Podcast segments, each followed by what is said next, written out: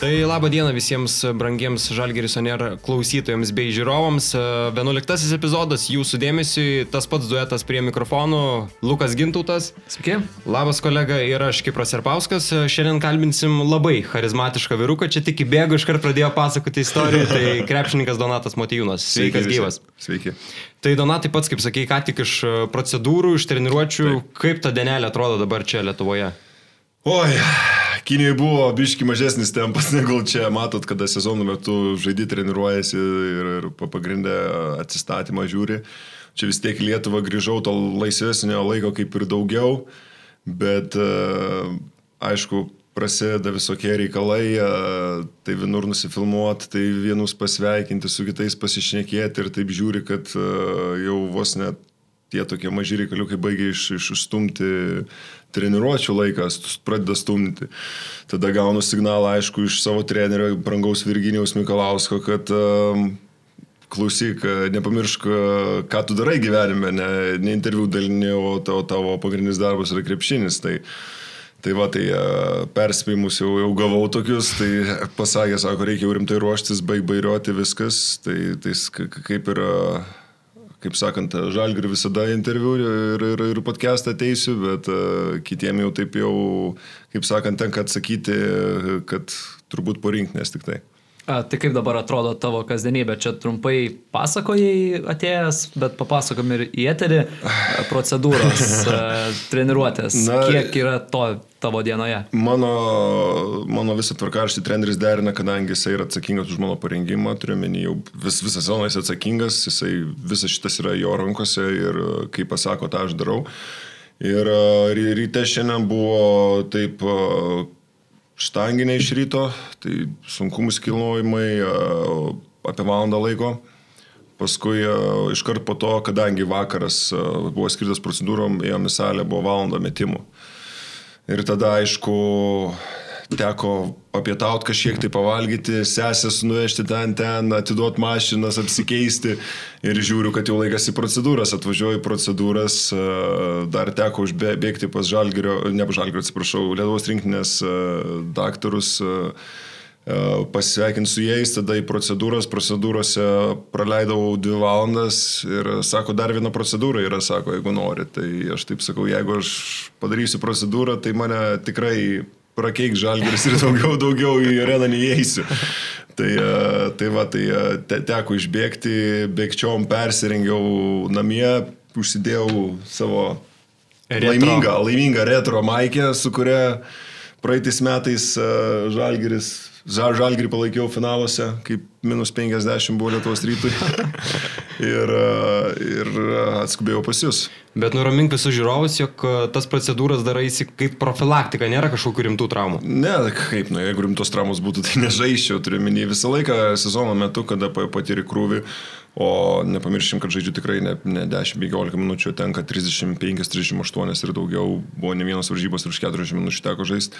Tai turiu minį, nori, nenori, kažkas įspiria kažkur, tai kažką timtelni, kažką pasisuki, kažkur kaž, kažką atsitrenki ir e, už maikės pagribi ir kažką. Tai ir, ir paprasčiausiai tai yra tos mikrotraumos, kurias e, kaip ir sakant, visi žaidėjai e, dažniausiai reikia ir gydyti.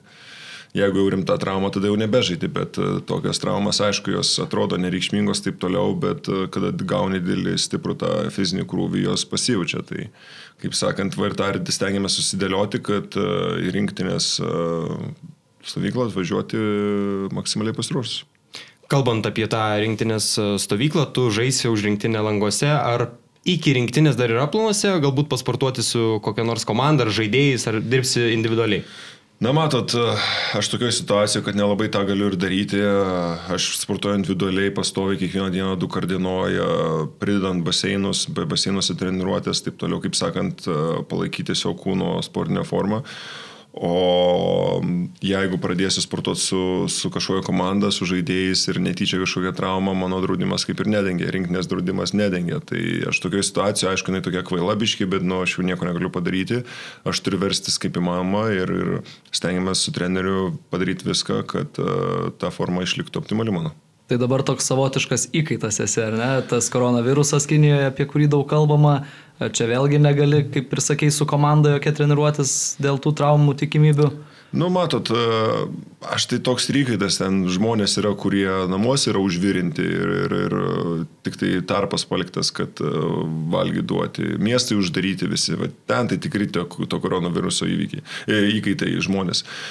Tas pats įvykis tikrai yra, kaip ir baisus, sakau, kokias trys savaitės prieš tą jau didelę paniką, kai prasidėjo didelė panika, tris savaitės prieš kažkas vis sakydavo, čia toks virusas, toks virusas, taip toliau, taip toliau, bet aš kažkaip nekreipiau dėmesio, bet kai pradėjo jau uždarinėti miestus ir taip toliau, tada ta panika buvo tikrai didelė ir pats aš pats įtampoje tokio, kai keliavau, tokia įtampa jaučiasi, nu, visi saugosi, visi apsidengę kaukėmis, su pirštinėm, tikrai, aišku, nėra maloni situacija man krepšinio atžvilgiu, bet e, esu aš po kontraktu ir e, visą laimę, kad čia ta rinkinės langas tuo metu yra, galėsiu dar pasportuoti, o taip e, kol kas jokių oficialių žinių apie kada sezonas pratestas bus ar, ar, ar koks sprendimas bus nėra, kadangi manau jie irgi atsižvelgs į tai, kad kaip pavyksim tą situaciją suvaldyti.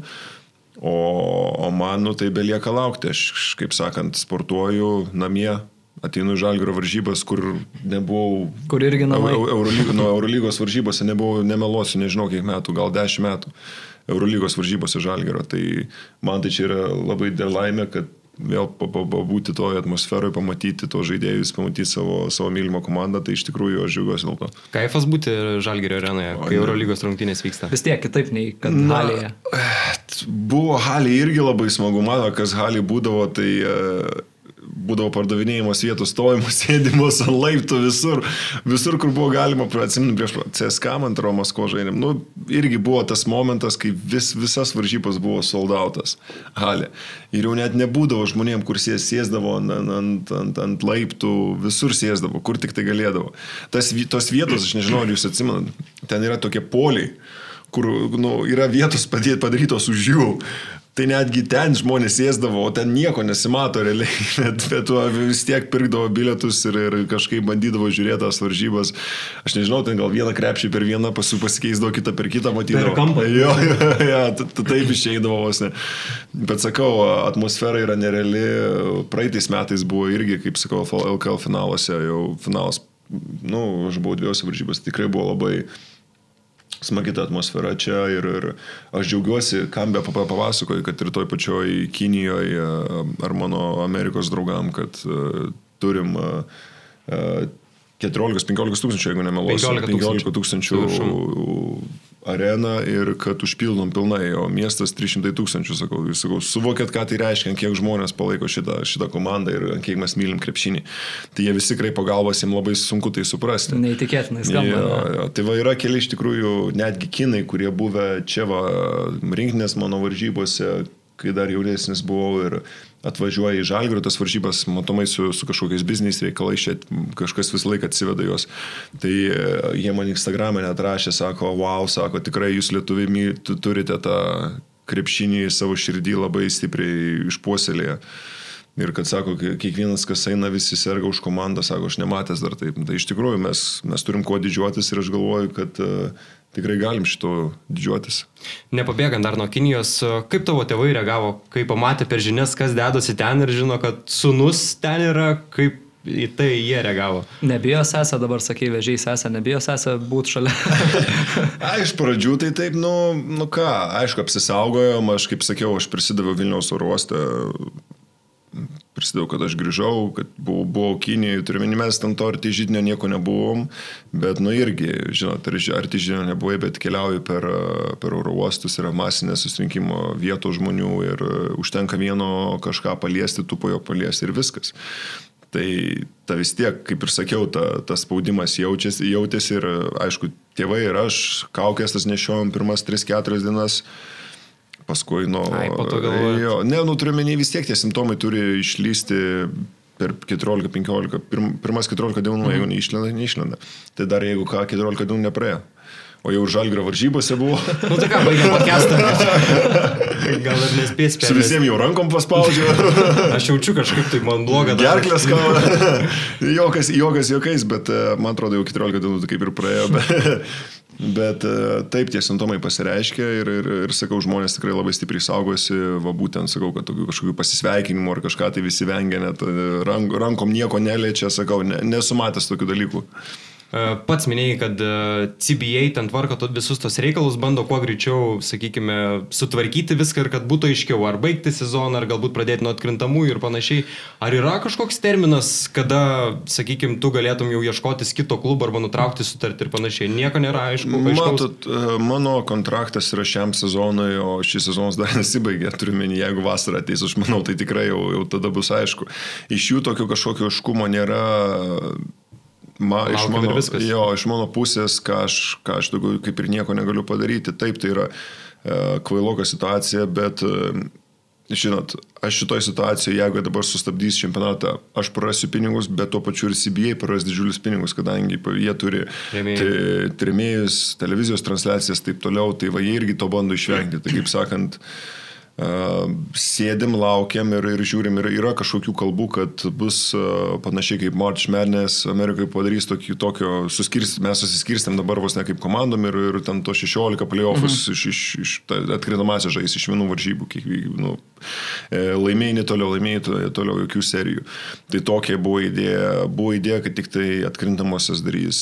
Nu, visokių tokių spekulacijų aš girdėjau iš skirtingų šaltinių, bet kad kažkas tai oficialaus būtų, tai nėra. Ir, ir, ir sakau, galima spekuliuoti kiek, kiek norim, bet e, jeigu e, jeigu net nebus pranešta kažkas artimiausių metų, tai tiek jiem kenkia, tiek man kenkia. Kaip tas gyvenimas Kinijoje atrodė iki to koronos viruso? Kaip vis tiek esi rungtyniavęs ir Europoje keliose šalise, ir Junktinėse Amerikos valstijose, kuo Kinija galbūt išsiskiria? Nu, matot, Šanhajus iš viso yra, kaip aš sakau, kitas žvėris, tai yra, yra Azijos New Yorkas miestas yra tikrai įspūdingas tiek grožiu, tiek užsiemimais, tiek gyventojų skaičium, gyvena 28 milijonai žmonių ir, nu, įsivaizduokite, mes Vilniui turim kokiu, kokius trafikus. Ir skundžiamės. Ir skundžiamės. Bet tenai iš tikrųjų tų trafikų nėra ir, ir yra sureguliuota viskas. Tarkim, mašinomis skirtingi numeriai išduoti, tai tam tikrom dienom pagal tą numerį savo tik gali važinėti. Daug, labai daug žmonių dėl ko šitą visą baimę kilo dėl to viruso, labai daug žmonių naudojasi viešuoju transportu, traukiniais, autobusais ir taip toliau. Į traukinius tam. Jo, sustumė. Tai, nu, tokių vaizdų nemačiau mačiau. Bet, uh, sakau, tas miestas man kaip Šanhajus tai paliko labai didelį įspūdį. Uh, iš viso Kinija yra, kaip ir mes vis tiek artesnė esam link, link Amerikos, mūsų visą laiką traukia tenai, ne? tai man Kinija yra visiškai kitoks pasaulis. Tai aš irgi su savo kai kuriais Amerikos žaidėjais, kurie atvažiuoja iš Amerikos, šneku ir sakau, nu, sakau, aš visur prisitaikęs, visko matęs, sakau, bet jum čia kaip turi būti keista, sakau, jūs pripratę, jūsų gyvenimas ir viskas, kad jūs visi kopijuoja, bet kai jūs atvažiuojat kažkur kitur ir reikia prisitaikyti, sakau, jums labai nepatinka, tas sako, nu jo, sako, jo. Tarp, tarp vyro su Andrew Goodlock apie šitą šnekėjau, jo, jisai dabar, man atrodo, Venecijos komandai žaidžia. Tai praeitais metais aš jau Šengdongę pradėjau. Tai va, tai tas gyvenimas įdomus, iš tikrųjų sakau, didelis judesys šurmulys, bet tuo pačiu ir, ir, ir tvarka yra padaryta, griežta tvarka. Ir kaip sakiau, tu nematysi tų kažkokių tai dėlių trafikų ar kažkokių tai nesąmonių, viskas yra pakankamai, pakankamai gerai sustiguota.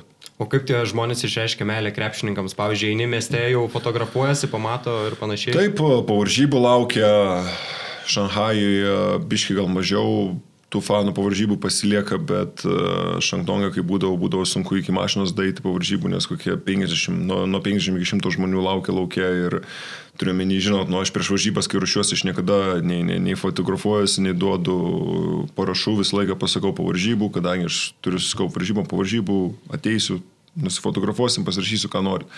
Nu, ir, ir būna taip, kad laukia kokį šimtą žmonių.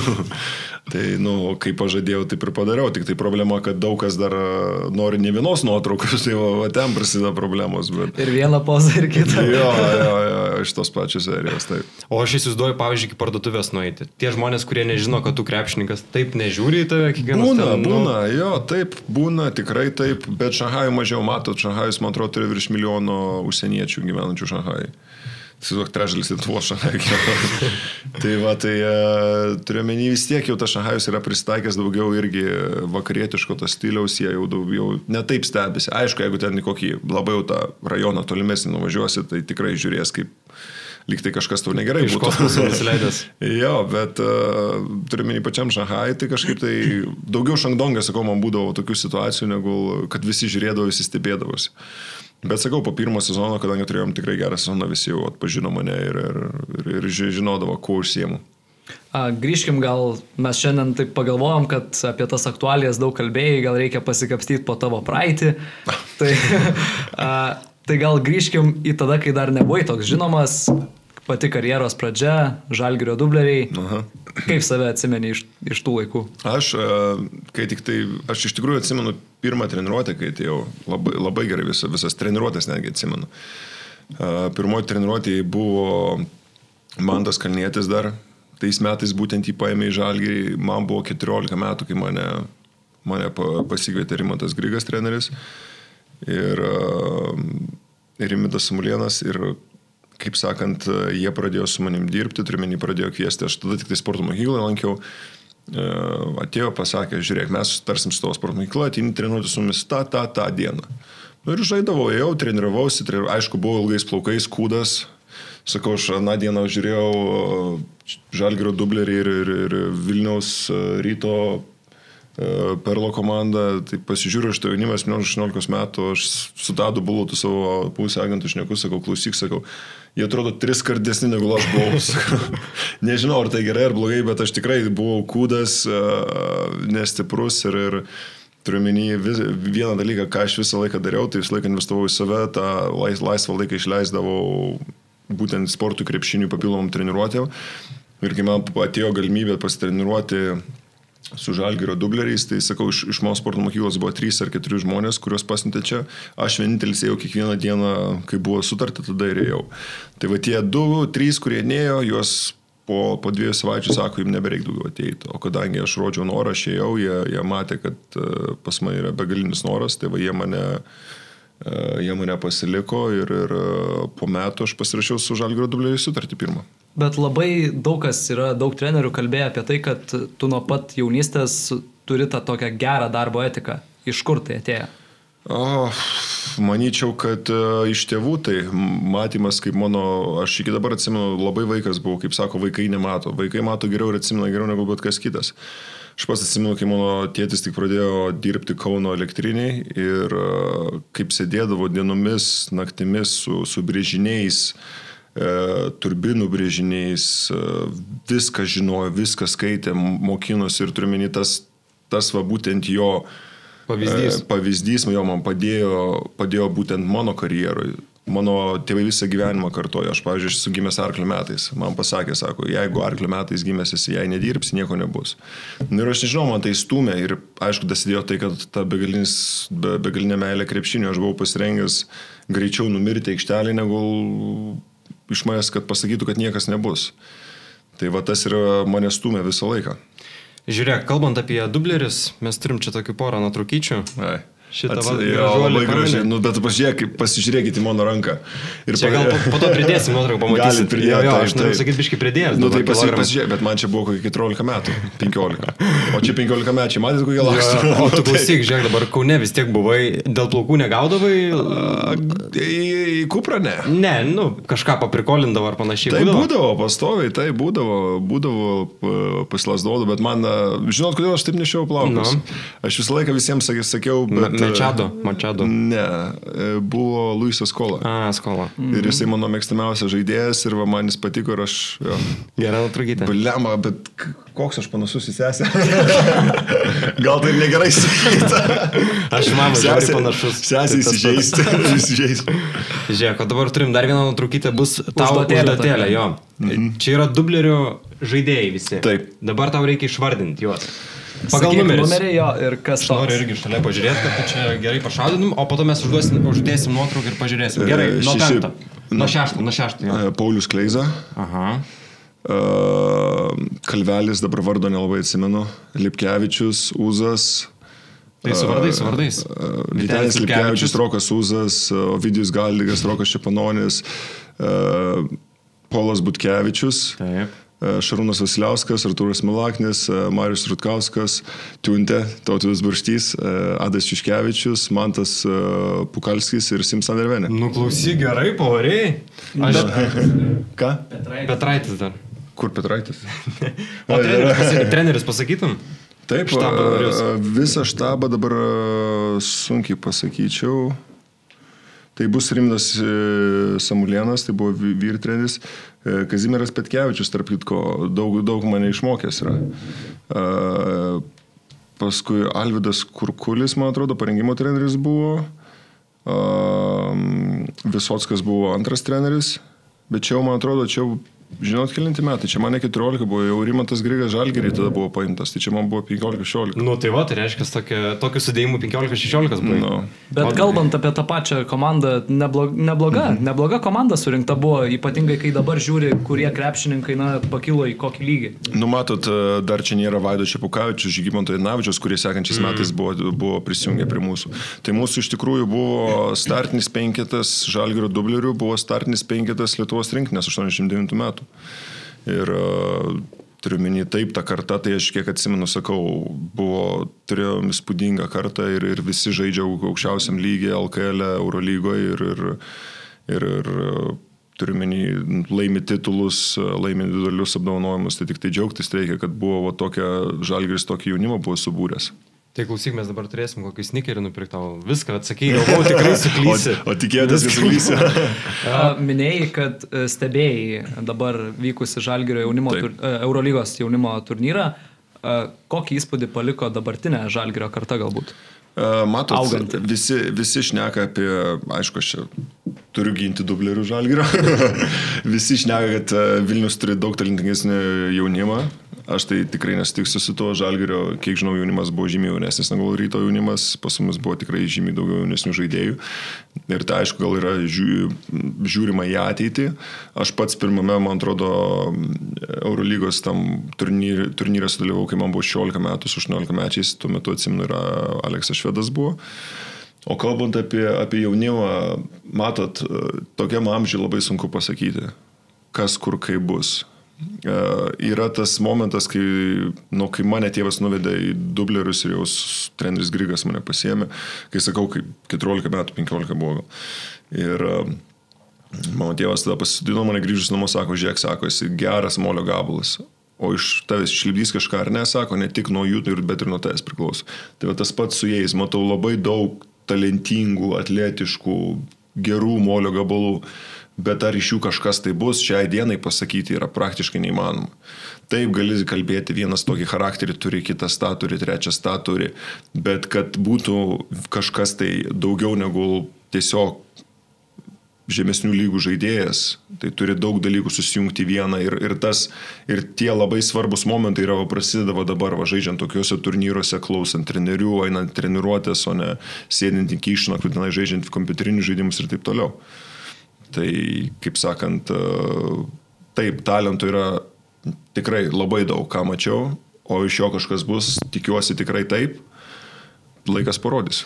Jo, kiek esu pats matęs, tai Hebrytė labai rimtai dirba, visi gyvena kaustoj, visi valgo tą patį, sportuoja, eina į salę vakaras, tai tikėkime, jog e, išauks rimtų talentų. Dar čia paminėjai, kad Aleksėjus Švedas buvo, ar ne, kartu Taip, su tavimi? taip, taip. Tada buvo jau toks siautulys. e, Buvo, jo, jisai buvo, jisai tikrai uh, tada, tada buvo CSK, Maskvos CSK, jisai jau dublerius atstovavo ir turiu menį man 16 metų. Aš iš viso esu tas žmogus, kai, nu, toks žmogus, kad man priešininkas, aš, nėra tai, kad aš išgirstu, va, rytoj reikės žaisti prieš Lebroną James ir aš susileidžiu. Man priešininkas yra priešininkas, man svarbu, kas jisai toks.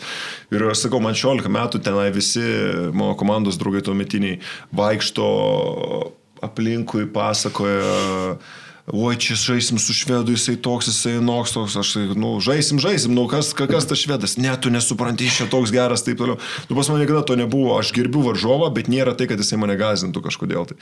Ir taip tada buvo ir švedas, ir dar yra, man atrodo, ne vienas uh, tų žaidėjų, kurie už poros metų atstovavo CSK. Ir, uh, man atrodo, Valujevas buvo ketvirtas numeris Vorancevičius. Vorancevičius, ja, nu matai, man su rusu labai prastai, tai iškirpsi šitą.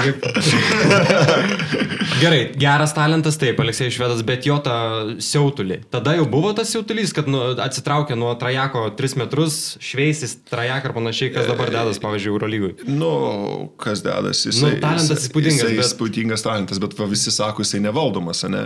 Aš manyčiau, taip, jisai buvo kažkiek tai toks, bet vėlgi mes per savo karjerą, per savo gyvenimą įdomi, kaip žmonės mes tobulėjom ir keičiamės. Jisai eidamas per savo karjerą irgi tobulėjo ir keitėsi. Ir jisai, ma- man su juo teko būti Houston Rockets komandoje irgi. Jisai buvo iškeistas į Houston Rockets, iki sezono galo mes baigėm sezoną su juo.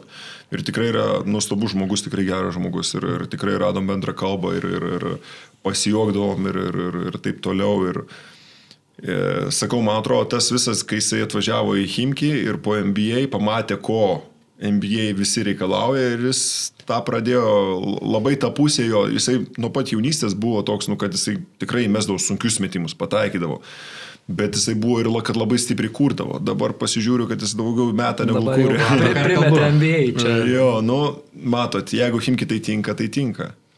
Kitai komandai gal nelabai tiks. Reikėtų Rimo Krutinaičio paklausti dėl šito dalyko. O, o pats atsimeni, kaip atėjai į pagrindinę žalgerio komandą, kokios buvo aplinkybės? Mes tas aplinkybės. Taip, aš labai pamenam. puikiai atsimenu. Tai ir tu labai pamanai. puikiai atsimeni. Tanoko Bardas buvo suspenduotas ir, To ir norėjom. ir e, taip, man atrodo, po to sezono susipyko, aš neatsimenu, kažkas buvo, jis dar žiūrėjau už tas varžybas, kad jisai e, vidury varžybų ar kaip nusipjovė teipus, numetė batus, e, reiškia nepasitenkinimą, nu, ir, ir žalgerio vadovybė jam pasakė, man atrodo, kad jisai buvo suspenduotas tuo metu, o paskui aš nežinau, ar jisai grįžo, dabar tikrai neprisimenu, ar grįžo, ar buvo atleistas, tikrai bijau sumeluoti. Bet aišku, tuo metu Tanoko Berdas, jeigu prisimenat, kokius dalykus, Prisimenam. ka- kaip šakas NBA buvo, tai mes Tanoko Berdą Lietuvoje tokį turėjom, tai jisai išdarinėjo tikrai labai, labai įspūdingus dalykus, žiūrint iš mano pusės. Tai aš įsivaizduoju, jum ten dubleriuose aukštaūgiams tai buvo tas toks turbūt be ne pagrindinis pavyzdys tuo metu. Taip, bet matot, dabar kas vyksta su Žalgiriu, kas, kas mane tikrai stebina ir, ir džiugina, kad Žalgirį žiūri irgi kaip auginti jaunimą, kaip, kaip jiem duoti šansą, jie e, seka teisingų pavyzdžių. Pavyzdžiui, e, kai aš buvau su, su dubleriais, e, nebūdavo taip, būdavo labai retai, galbūt tik tai sezono pradžioj, kada prieš prasidedant sezonui sukviesdavo jaunus ir leisdavo apsižaisti su seniais. Ir tada važiuodavai, sėdėdavai pas tos dublerius visus metus ir niekas tavęs iš tenai netemdavo. O čia jeigu pasižiūrėsit, kažkas gauna traumą ar kažką iš karto atvaro, nesvarbu, kad nevaržybom, bent treniruotėm, kad būtų tas ritmas, kad pamatytų, kokiam lygiai reikia jam būti taip toliau.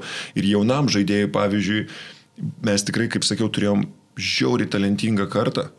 Ir jeigu tu, mes trin- trinimės, trinimės, trinimės tam pačiam visam reikale ir prarandi motivaciją kartais. Nu, žaidži tą menkailę, mes kai žaidėm, turime tais metais, kaip laimėjom, nu tenai, nu vis tik, tikrai buvo daug komandų, kur ten nu, neįdomu mums buvo žaisti. Būnant 17 metų, 16 metų, mes visus 20-30. Nu, tai buvo, aš nekalbu aišku apie atkrintamasias, tai Na, nebuvo taip, kitas taip, žaidimas. ten Bet kitas reguliariam sezone buvo, buvo tikrai ne vienos varžybos, kur tikrai nu, buvo, žaisdavom tam, kad tik tai žaisti, At- atvažiuojam ir žinom, kad tikrai nu, nebus sunku, o žaisdavom tai prieš vyrus, ne prieš vaikus. Tai vien iš to buvo galima suprasti, kad tikrai bus labai talentinga mūsų ta karta tuomet- tuometinė. Ir atrodo, trūko to paskatinimo, ne? Būtų pakvietę Taip. vieną treniruotę, vėl akis, kitą, ne? Taip, nu, tada pradedi suprasti, pradedi kaip ir vertinti, kad e, palauk. Daug žaidėjų stringa toj situacijoje, kad, kaip sakau, jie, jie galvoja, kad viskas, čia jau, aš jau geras, taip toliau.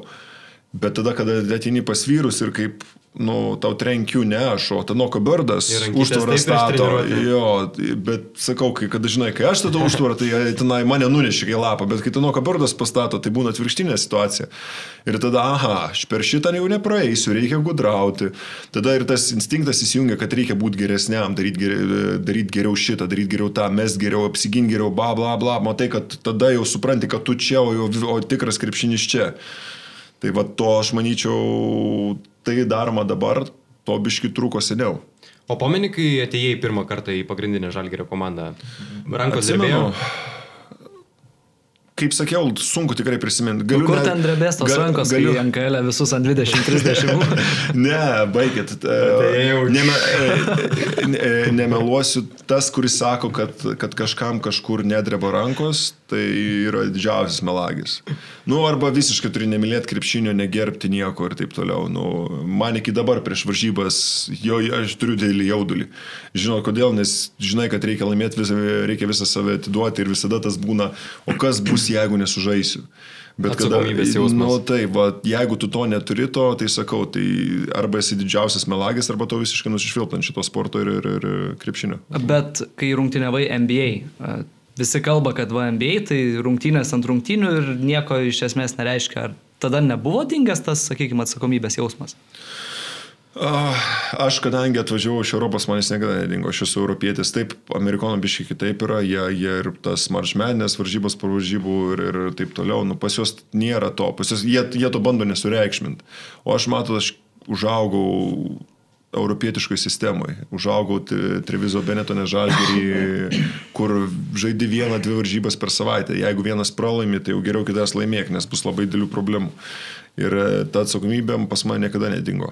Kalbant apie tavo buvimą Žalgirėje prieš vienas Eurolygos rungtynės, jis sakęs, jog tavo pavyzdys Aurelijus Žukauskas. Pamenai? Taip, taip, taip buvo. Nu tai ką pavyko išmokti iš, iš Aurelijus? Aurelijus e, darbo etika, kaip jisai dirbo, kablius tikrai gerai mėtė. Blokų, blokų karalius. Blokų karalius buvo. Netgi iki dabar galiu pasakyti, aš e, neatsimenu, kiek dabar litų, man Aurelijus iki dabar skolingas yra. Dėl ko? Nu, e, Rimantas Grigas mane pakvietė į Žalgirio tą vieną treniruotę, tai jau nepakvietė, aš jau buvau kaip iš vieno iš tų treniruočių ir e, mane pastatė gynybo ir pasakė, sako, tu sako, jeigu bloką uždedi, tai, gal, tai 5 litus gauni. Tai dabar nežinau, ar 5 ar 10 litų Aurelijus Žukauskas mane, man skolingas yra. Aurelijų. Sekantis podcastas su Aurelijum Žukausku. Bet be lietuvių ir be Tanokos dar buvo komandai tada, pagrindiniai komandai buvo daug tokių įdomių legionierių, charizmatiškų. Taip. Marko Popovičius, Taip. Markusas Braunas, Dežuanas Kolinsas. Taip. Kas tai per žmonės? Tikrai kažkokių istorijų turit. nu, istorijų turiu daugiau blogų negu gerų. tai, kaip sakant, aš jūs linkęs prisiminti tik tai gerom, gerais dalykais. Jie tikrai buvo tokie, kaip tu pats paminėjai, charizmatiški, uždegantys žmonės. Bet tuo metu, aš manau, mums to reikėjo. Tuo metu tai komandai to reikėjo. Jinai tikrai buvo tokia įdomi komanda, kaip sakant. Turėjom žmonių tą Popovičių, kuris visą laiką užsidegdavo, Markusas Braunas, kur atrodydavo, kad jisai gali va tai va užsižiepti, Dežonas Kolinsas atrodo, kad miega visose varžybose ir tada prieš rytą paskutiniam sekundėm BBL įmeta metimą. Nu, va, sakau, turėjom, buvo toj komandai žaidėjai, kur tu nežinojai, kada kas gali mesti ir kuriam tai diena. Dežonas Kolinsas, tada atsimenu tą BBL ketvirtą, tragiškai žaidė visą. Atėjo lemiamos varžybos, ten iki paskutinio kėlinio nieko nepadarė, lemiamos varžybose, bam, bam, bam, bam, paskutinis 8 ar 10 taškų įmetė varžybos. Kaip sakai, Donatai, pradėti žaisti, nepradėti. nu, va, iš, tos, ba, ba, ba, iš tos serijos ir suprantat, kada ruoši skautingą gerai, kaip treneris sėdi, jas yes, 3 kelniai, 0 taškų, metai, metai jautus taip toliau. Ir va čia va tas tas, kaip sakant, nužudo bet, kurį, bet kurią komandą, bet kurią trenerių. Tu atrodo ir žaidėja kaip gynėja. Tu visas varžybas atrodo, alenį jis tenai, tris klaidas padarė, ten du, du asistus jau tu jau žinai, jau gerai jautiesi, taip ir jis išeina ketvirtą kėlinį ir tie geriausi profesionalai tą ir padaro, išeina ketvirtą kėlinį. E, kaip, kaip ir su Larkinu buvo paskutinėse mhm. varžybose. Išeina ketvirtą kėlinį ir bam, bam, bam. Ir tu po varžybų pasiemi tą statistiką, žiūri, kad, kad, to, to, toks, kad tu nieko neturėjai, o iš tikrųjų pavargęs po trijų kelnių jau buvai. Tai va labai yra, kaip sakant, ta tokia įdomi savybė pas, pas tikrai tos aukščiausio lygio žaidėjus, kad jie yra labai kantrus ir mane treneris visą laiką stumia būti irgi Kinijoje būna varžybų. Tai nesipasuoja, tai tas, tai nas, kamuoliai ne, metai krepšį, kamuoliai atšoka, ties, ties tritaškio linija, kamuolių negavo nieko ir man verda, verda, verda. Ir jisai tik tai mane ateik čia. Taip, klausyk, nusiramink, susirinksi viską, ką reikės, tu, tu nesineruok, stengiasi laimėti, ginkis, nes niekas nesigina. Gerai. Ir eini, eini ir žiūri, baigi varžybas, po, po dviejų kilinių turi du taškus, baigi varžybas su 24. Nu, irgi sakau, reikia. taip, tiesiog išlaukti vis tiek kamuolystas, kaip sakant, apvalus, jisai grįžta ten, kur reikia. Bet klausyk, tas santykis su Žalgiriu išliko labai artimas, žaidė nors mažiau nei vienus metus, bet Žalgiris, nu, visi žino, kad Donatas yra Žalgirio žmogus. Kaip galvoji, Savas. kodėl išliko jo tas savo ženklas? Nu, kaip kodėl? Užaugau sistemoje, nuo vaikystės užaugau Kaune, Kau- kaunietis esu, a, pats ant tų pačių halės laiptų sėdėjau, a, verkiau, kai pralaimėjau, džiaugiausi, kai laimėjau, turiu menį, man jokios kitos komandos krepšinė nepalaikiau part Žalgerio, tai turiu menį, aš užaugau su, su, su šita su šita komanda ir, ir tikrai džiaugiuosi, kad e, iki dabar e, mes sugebam e, rasti bendrą kalbą, tą ryšį išlaikom ir turiu menį iš, iš jų pusės, bet kada, kada paprašysi, ar tai iš tanginį įeiti, ar tai į salę, jokių problemų niekada nebuvo pasportuoti kažkur, kažkur tai ir čia, ir į kaustą, turiu menį visą laiką salės atidarytos, turiu menį kamuoliai padėti, suruošti, prašau. Ir tai man kaip žaidėjai tai yra pasakiška, bet to Paulius buvo tuo metu, kai aš iš Žalgiro dublius atėjau generalinis direktorius Žalgiro. Tai va, kaip sakant, jis irgi eina iš kartos į kartą, jis jau dabar jau Žalgirio, kaip ir didysis bosas yra ir, ir turiu minį mano ryšys su juo visą laiką išliko tas toks artimas, glaudus ir, ir tikrai jis man daug padėjo tiek, tiek krepšinio karjeroje, tiek gyvenime ir, ir dėkingas aš už tai, kad būtent ir jų supratimą, kad, kad aš, aš galiu tiek naudotis, tiek visomis prieinamomis, kaip čia pasakius geriau. Sąlygomis. Sąlygomis. Vėliau buvo etapas Kauno aiščiuose a, ir tada jau užsienis. Bet tarp to momento, tarp aiščių ir užsienio, kiek tekia girdėti, buvo kažkoks dėmesys vėl žalgerio, kad galėjai vėl čia žaisti. Kiek Taip. tai realu? Tai buvo labai realu.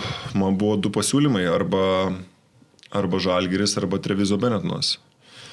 Bet, nu, nepamirškime, kad Žalgirį tuo metu valdė įžymusis Romanovas. B. V. Romanovas. Ir um, Tai tas yra mano, baidė? nu, mano tėvas nuėjo su, su juo į susitikimą, jis paklausė, ką turis pasakyti. Gal žodžio aš jo necituosiu, ką pasakė man, bet pasakė, kad, nu, žalgirį mes nežaisim. Žodžiu, tada Benetono svarstyklės Nu, nusvėrė. Ne? Ir taip ir ne, vis tiek dar galvojom, gal dar vienus metus LKL pasilikti taip toliau. Aišku, Trevizo Benetonas buvo labai žymus tuo būtent jaunimo auginimu. Ir mane tai labai stipriai sudomino. Jie turėjo tikrai ir Andrė Barnenis pas juos, man atrodo, užaugo.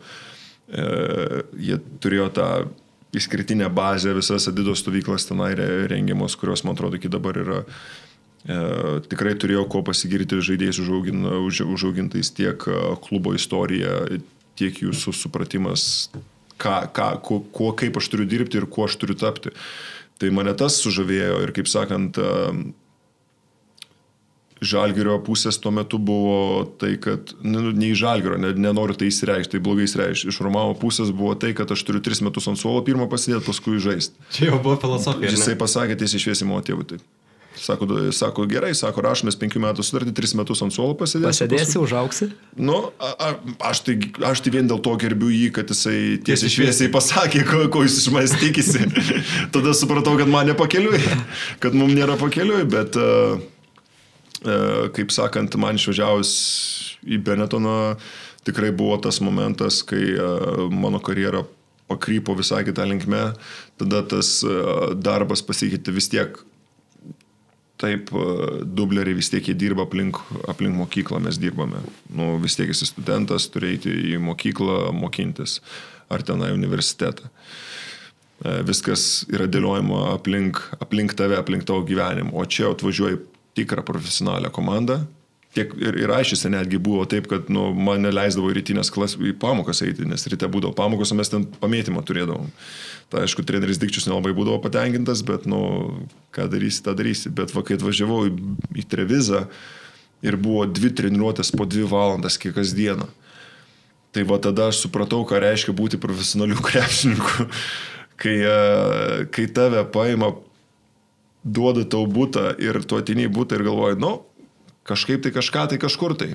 Ir supranti kitą rytą, kad tualetinio popierius neturi, ar ten dar kažko nėra ir kad mama nenupirks, kad, tau ir 19 metų, kad mama nenupirks, nieko nebus, tai va kai kitiem būna tas, kai jie išvažiuoja į universitetus mokintis iš, iš savo tų kaimukų į tausių miestus, tai va tai man buvo, kai aš iš, iš Kauno išvažiavau į Trevizą. Aišku, Trevizas dešimt kartų mažesnis negu Kaunas, visai mažas miestas, bet turiu menį tas jausmas, kad tu išvažiuoji kažkur kitur ir tu turi pats, pats. Jo, turi pats savim pasirūpinti pirmą kartą. Tai va turbūt tas didžiausias šokas man buvo, prie kurio buvo tikrai sunkiausia priprasti, bet aišku, e, Benetono visi žmonės aplinkui e, buvo tiesiog nu, pasakiški šiuo atžvilgiu, jie tikrai viską padėjo ir, ir, ir, ir kiek įmanoma, kokių klausimų be kilo, viskas buvo išspręsta. Tai ką, mėnesį valgy makaronus, kol išmokai, išmokai gaminti? Nu, matot, va čia yra kitas dalykas, yra Lagirada televizija, tokia vieta, kur, kur visi jauni žaidėjai valgo ir ten yra meniu ir gali kiekvieną dieną nuvažiuoti ir valgyti. Plus televizijas tikrai turi daug kavinių. E, iš tikrųjų, televizijas yra toks kaip ir turčių mieste, miestas, miestelis, mhm. pavadinkime. Ir ten iš tikrųjų tų restoranų visokiausių valgių, ką, ką, ką tik įsivaizduoti. Netgi kiniečių restoraną tenai turėdavo, kur iš tikrųjų daug jau tada, jau tada. Aš ir paskui pradėjau galvoti, nu, nu iš kur tą mane Kinija patraukė. Paskui galvoju, taigi televizija iš kiniečiuose pastoju valgydavau. Donatai, kitas dalykas, kalbant apie šitą komandą, dabar ji profesionaliai neegzistuoja. Tiesiog yra kaip, tokia kaip akademija jaunimo ir panašiai. Koks jausmas žinoti, kad žaidėjai komandoje, kurios, na, nebėra?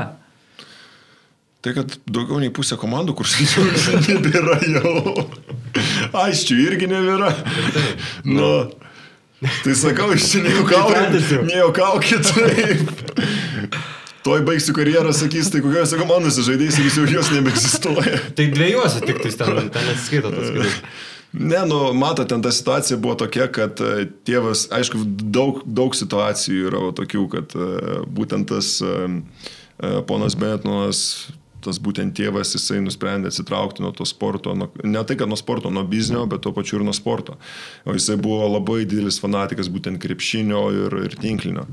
Ir taip gavosi, kad e, man atvažiavus ant, antros, e, ant, kai antri metai ėjo, buvo parduota tinklinio komanda, Sisliai, jeigu žinote, irgi yra e, prekybinis ženklas, kaip United Color mm. of Benetons, yra dukterinė įmonė Sisliai.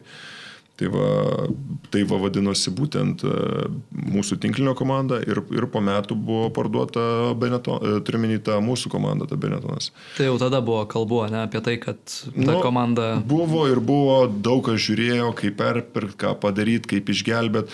Matot, jie pasiliko tą dukterinę komandą, ne dukterinę, tą jaunimo auginimą ir iš tikrųjų ne, ne, nepasižiūrėjot, bet Trevizas dabar turi kitą komandą, kuri aš atėjau iš ketvirtos lygos, užlipo ir šiais metais jau pirmo lygoje žaidžia. Tai va, pasikeitė, pasikeitė savininkai, pasikeitė, pasikeitė žmonės, e, daug žmonių, kurie dirba būtent Benetone, dabar tenai dirba ir pastovi irgi mane tenai kviečia atvažiuoti, apsilankyti. Galvojau, gal praeitais metais planavau, kažkaip neišėjau, galvojau, gal šie metais bus tie įspūdingi, nes tikrai vaikštai po tas gatves ir galvoju, blema, prieš dešimt metų aš čia atėjau. Čia ilgais plaukais. Jau Jau tada ne. ne. Dar ja, pirmais metais, man atrodo, turėjai tuos ilgus plaukus. A ne? Tu geriau atsimeni, Lukas. Man atrodo. ne, mes jau pridarėm klaidų apie Benetoną, čia žinai, tai... Gali būti. Gali būti, kad turėjau. Tai tokie sentimentai ne už, užpuola. Oi, labai. Labai iš tikrųjų sakau, irgi žaidžiau su, žaidė, su žaidėjais, e, CJ Wallace'as jau nebežaidžia, bet uh, 5-6 metai gal Barcelonui žaidė ir ne vienus metus Daniel Hackett, patys žinot, kur žaidžia.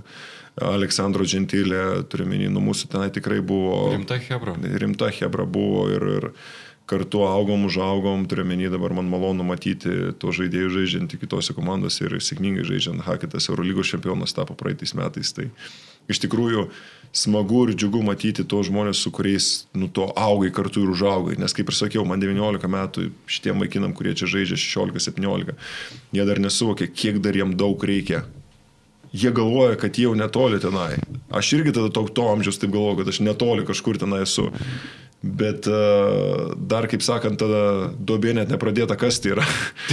Įsivaizduoja, dabar žiūri šitą podcast ir kompą. Ai, einu treniruoti. Nu, vien, vien, tai va, tai jo, turėtum no. kompą padėti ir eiti dirbti.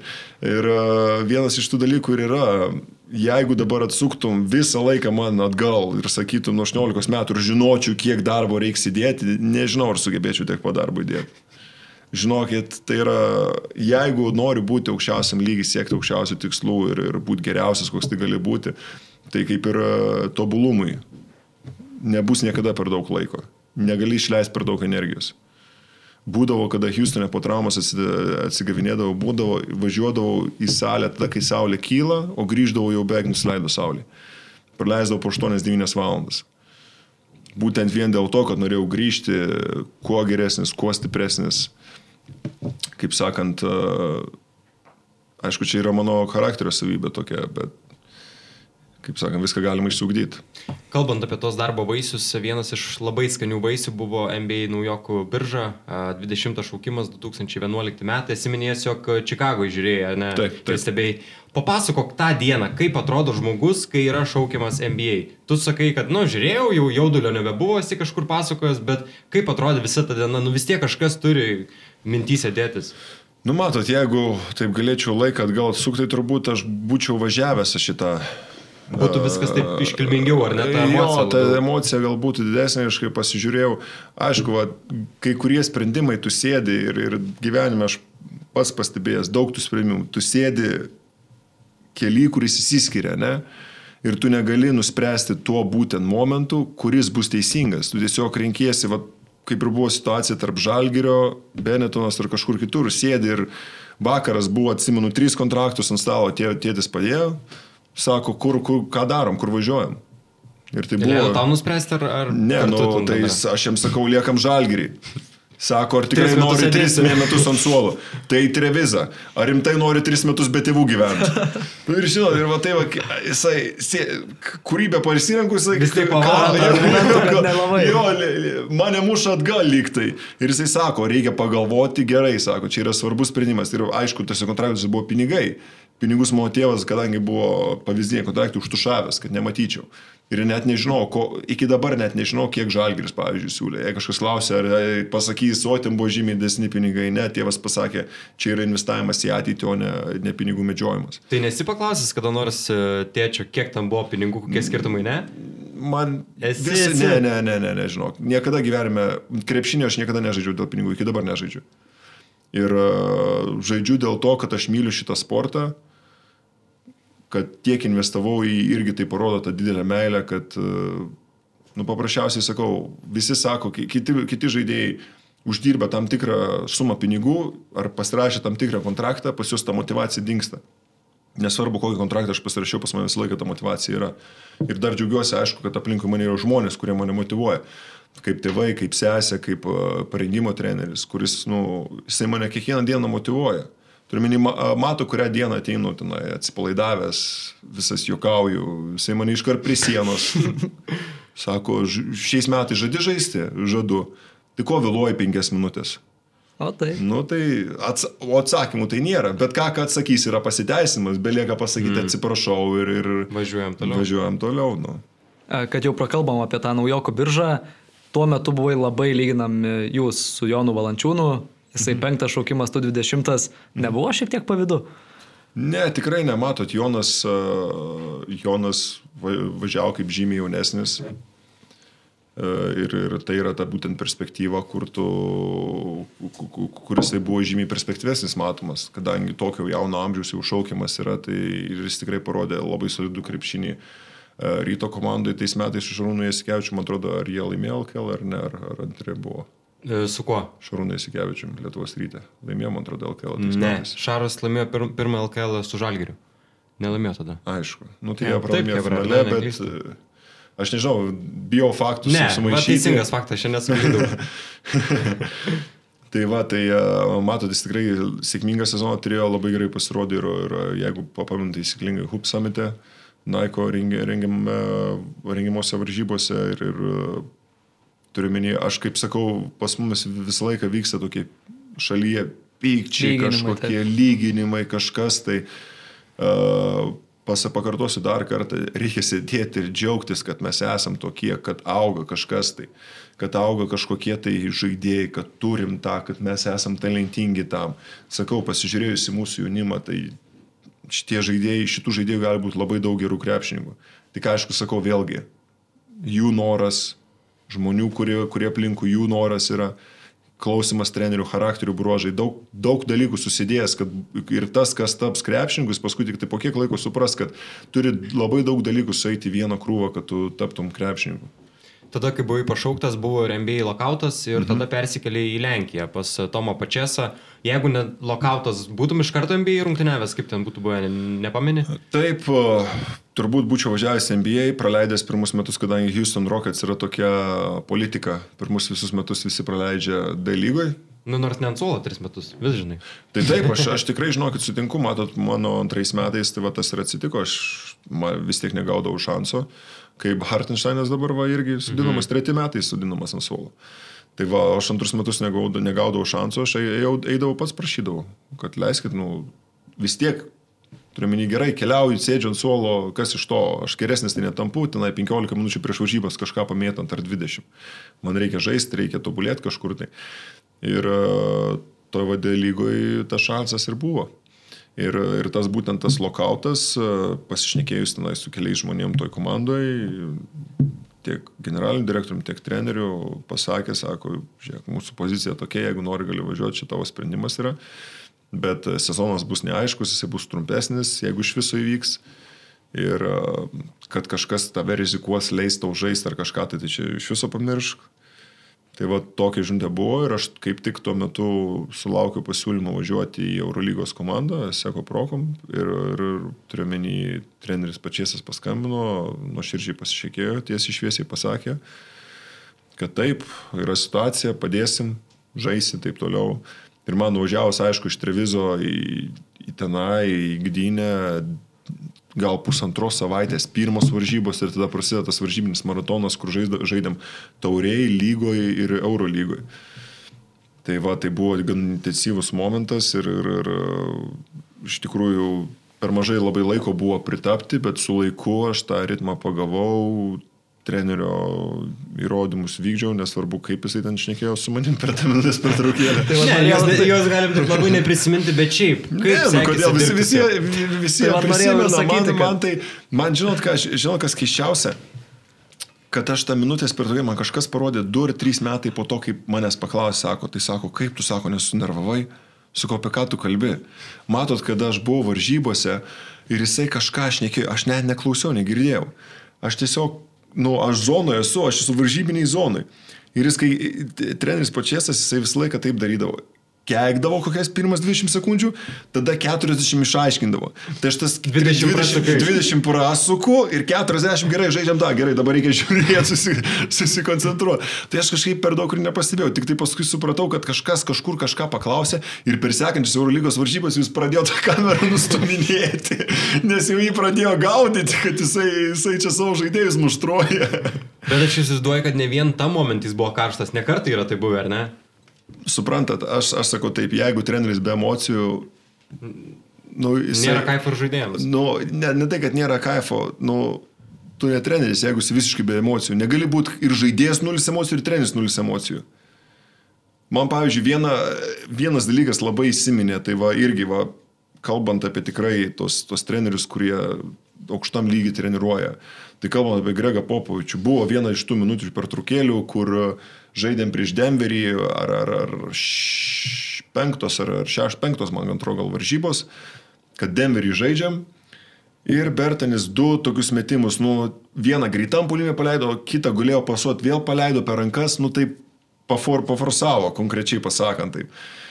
Ir treneris Povičius pasiema minutinę, visi susėda, jisai nueina su saviškiais, e, pašneka, ateina, atsisėda ir pirmi penki žodžiai, ką po velnių tu čia išdarinėjai.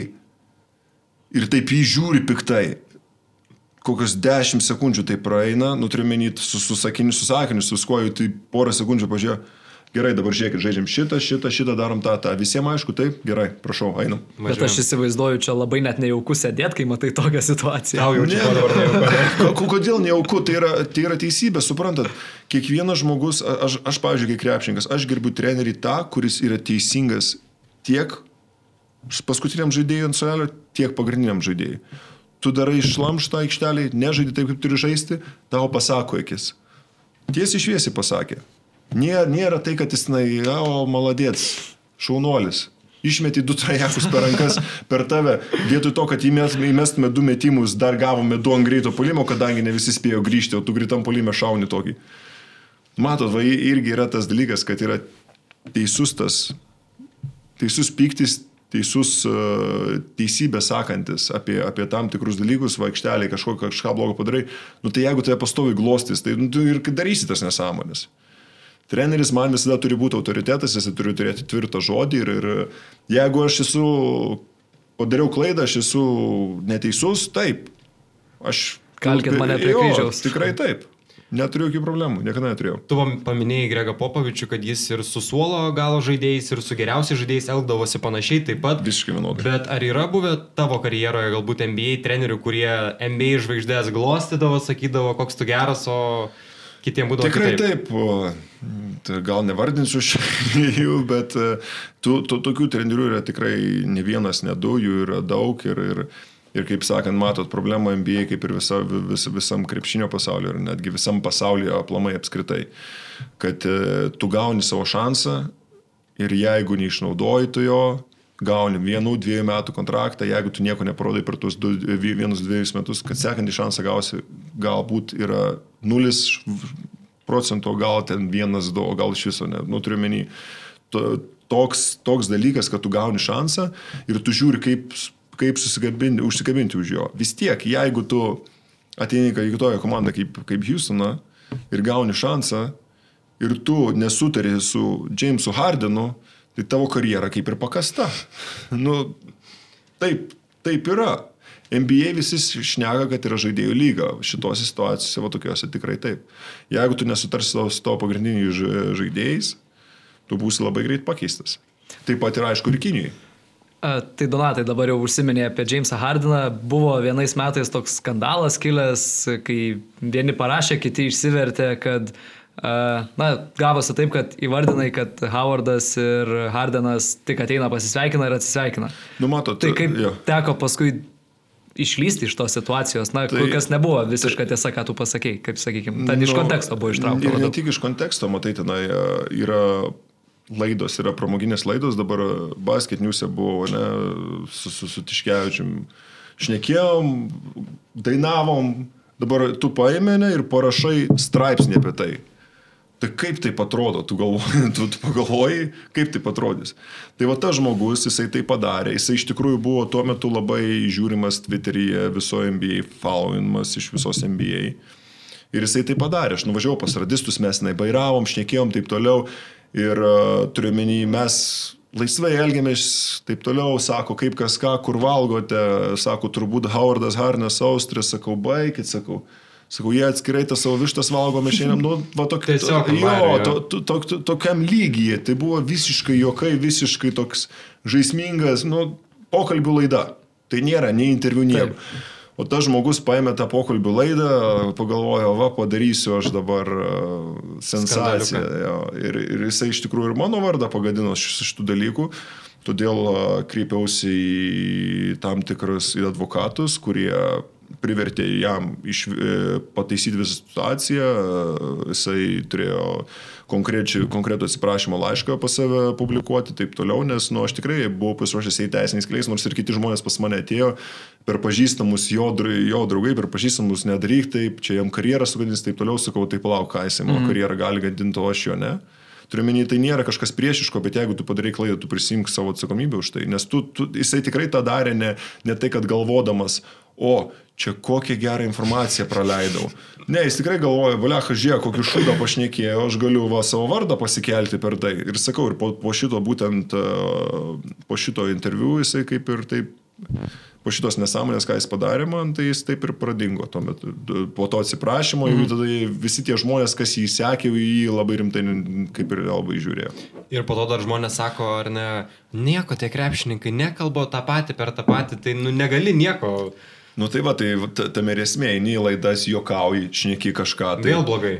Nu, vėl blogai, nu. Nejokauju, vėl blogai. Je, je, jeigu susiešiu su Tiškevičiam, sakyčiau, Kaune pila vėl.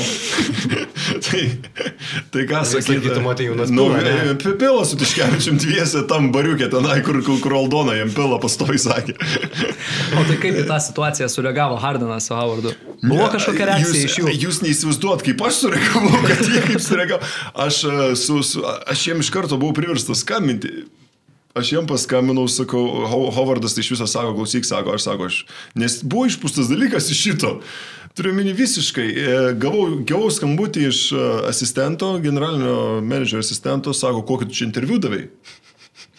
Sakau, aš jok, jokio interviu, ne, ne tai, kad užmiršęs. Čia- ne interviu. Nu, sakau, juk, jokiam ir tuo metu aš būtent tą savaitę jokių interviu nedal, ne, nedaviau, neturėjau. Sakau, ir su rinktinė, man atrodo, net, ne, net nebuvo mydijo dienos, kad kažkas ateitų. Yeah. Sakau, nesupratau, kažkaip sakau, kaip, kur, kas, ką sako, čia sakau, sako, publikuoja tavo interviu, kaip tu čia šneki, kad čia komanda nevalgo kartu taip toliau. O tikrai taip nebūdavo, eidavom, valgydavom kartu, bet nuturėjome minivą vien šnekant nesąmonės, va. Yeah. Nu ir sakau, tek, teko skambinti abiem, paskambinau, atsiprašiau, Hovardas, sakau, sus, pa- pasakė iš karto, kad, uh, sako, ne, sako, sako, aš viską suprantu, sako, čia, sako, visiškai, ži- žinau, sako, ir man pačiam yra tekę, kad ne kartą iš kontekstų ištrūksti žodžiai, visiškai, sako, ne prie ko padaryti dėlis dalykas iš to ir sako, sako, nesugalvo, sako, aš net neįdomu man tai. Hardinas irgi panašiai sakė, sako, čia viskas ok, tu, sako, nesinervuok, nu. Man, viena, man seniau Ha- Hardinas taip, bet Hovardas buvo mėgstamiausias žaidėjas, tai tu esi per vieną rankos paspaudimą nuo mano dievaičio kažkada. Papasakok šį. Kaip ir tu nuo koronos viruso.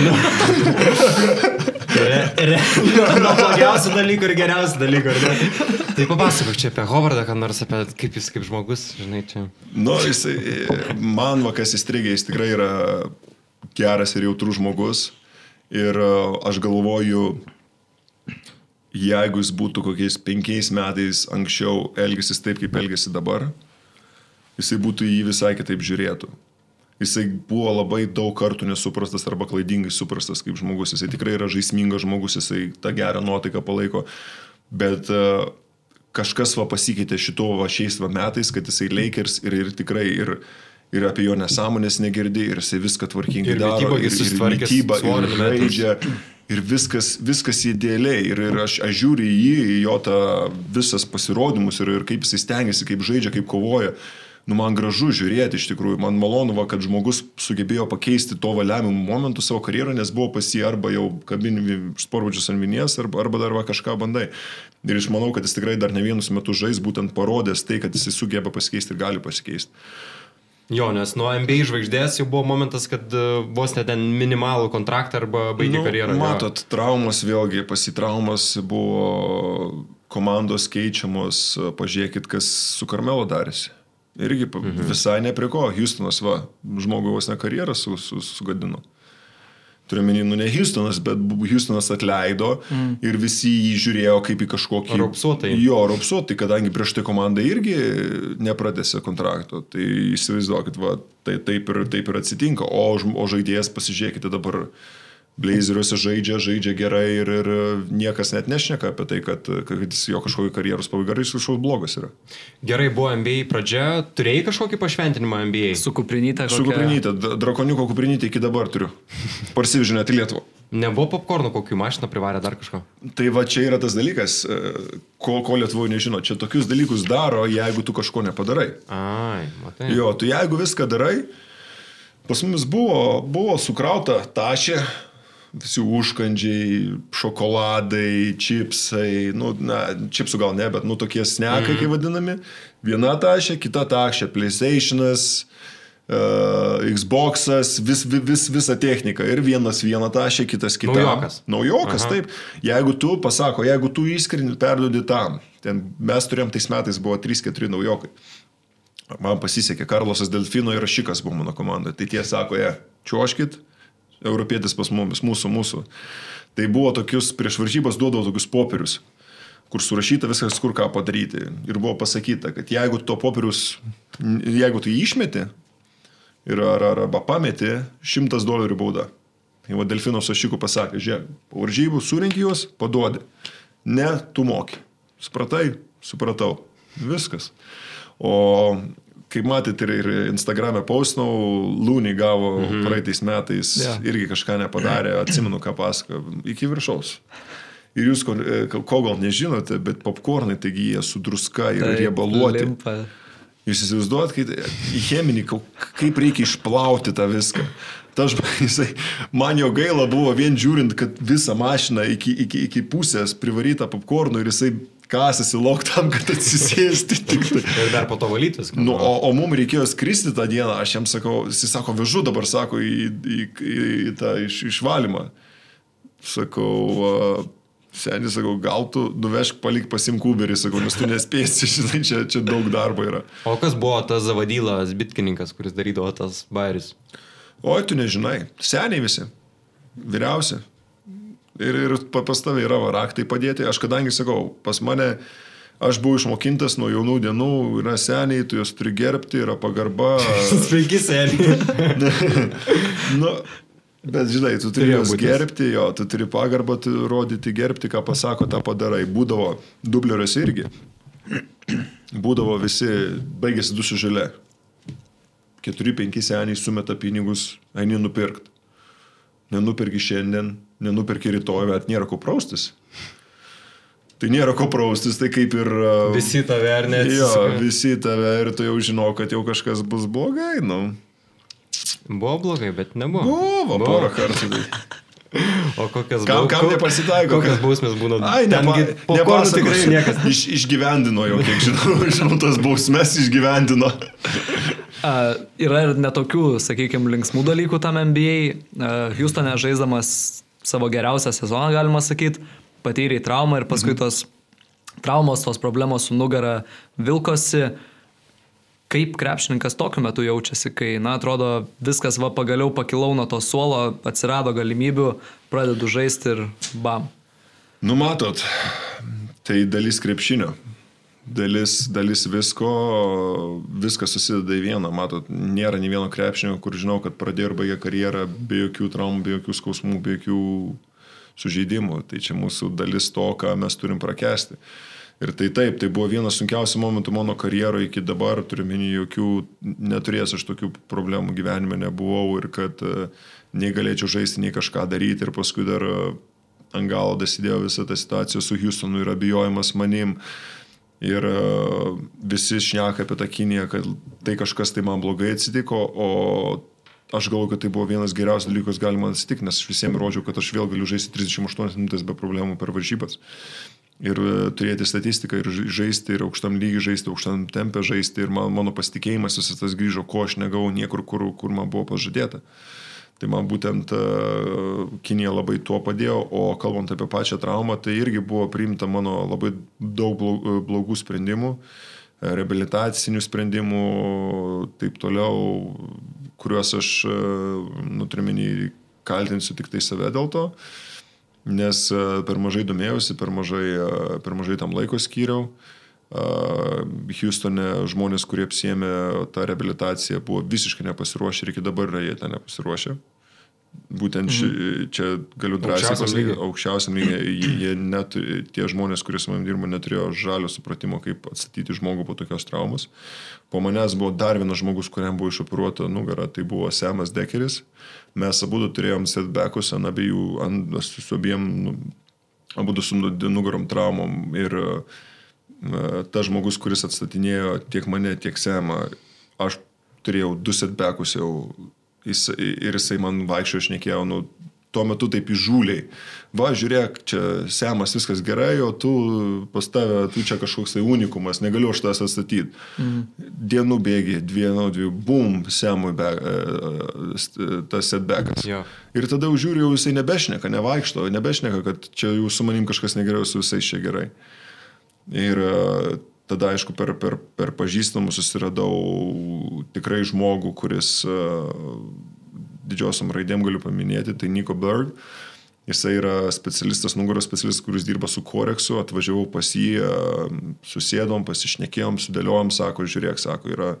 Ir jisai labai toks yra sažiningas žmogus, jisai niekada neapkalba nieko už nugaros, pasakė tiesiai, žiūrėk, ką darė ten, to, to, tą darė Houstone. Sako, aš sako, yra šimtai milijonų būdų, kaip galima statyti žaidėją po, po bet kurios traumos. Bet aš naudoju šitą, kol kas nei vieno žaidėjas nebaigė karjeros po mano rehabilitacijos. Visi žaidė. Tu patikėjai juo ir važiuojam. Nu, aš jau nebuvo kuo, kuo netikėti. Jisai buvo mokinys Alex Maketnį, kuris, tarp kitko, buvo čia Lietuvos pas, pas Joną atvažiavęs. Jisai yra kuriejas Korex, vis, Reeboks, nestabilių platformų mhm. ir, ir kitų dalykų. Jisai, jisai būtent iš, išradęs, sugalvojęs šitą būtent uh, metodiką ir e, būtent tas Niko Berger yra jo mokinys, kuris turi savo privačią kliniką Vancouveryje, kur aš vykau ir kur aš dirbau. Iki tos traumos buvo tas nerealus sezonas Houstone, trečiasis tavo sezonas. Kiek pasikeitė visas galbūt trenerių požiūris, žaidėjų požiūris į tave, kai tu pradėjai demonstruoti savo žaidimą, gavai daugiau pasireikšti? Pasikeitė? Nu, matot, aišku, pasikeitė. Viskas pasikeitė, visi pradėjo mane kitaip žiūrėti, visi pradėjo suprasti, ant kiek aš esu... Kaip tu gali žaisti? Taip, ant kiek, ant kiek aš galiu padėti komandai ir tuo metu ir, ir Howardas turėjo traumą, kelio traumą berots ir, ir visi kiti mano konkurentai, tie, kurie, tuos, kuris kišo priešais, tiesiog kišo priešais mane, jie visi iškrito ir, ir, ir, ir tada aš gavau šansą ir pradėjau rodyti tą žaidimą. Tik tai aišku, vėlgi per savo, per didelį norą ir per didelį darbą aš sugebėjau susivaryti save. Aš irgi vėlgi nekaltinu, kadangi esu darboholikas krepšinio atžvilgių. Neturėjau tokio žmogaus kaip Virginijus Mikalauskas, kur uh, ateina, pasako, padarom, sako, kaip treniruoja lengva, sako, einam dar padaryti. Sako, sako, galiu aš tik tai dar tau įdūdą duoti, jei nori, sako, pabaigu šitą treniruotę, sako, sako, jeigu tu dar padarysi, tu sako, man rytoj nepaeisi, rytoj varžybos, sako, man rytoj reikia, kad tu būtum pasiruošęs. Tai va ir norėjau klausti, kiek tos traumos NBA padarė įtaką tam, kad Virginijus Mikalauskas atsirado šalia tavęs? Jisai atsirado, tai jisai atsirado siktinai, matot. Jis Kinijos klube dirbo? Jis jau dirbo tenai, taip, mes iš tikrųjų prasilenkėm ne vieną ir ne du kartus ir iki dabar šnekam susėdę ir jis iki dabar šneka ir nedaug trūko, kad vienu momentu jisai netgi vasarą su manim individualiai dirbdavo, dirb, dirbtų prieš rinkinį.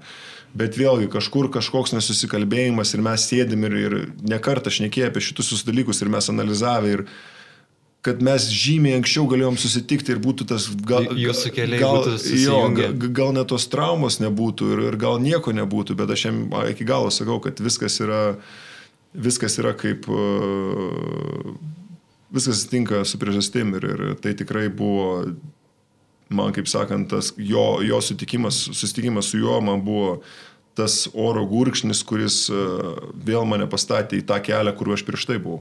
Šiaip kalbant apie Virginijų Mikalauską, atrodo neišskiriami esate draugai, viską praleidžiat ir leidžiat laiką kartu.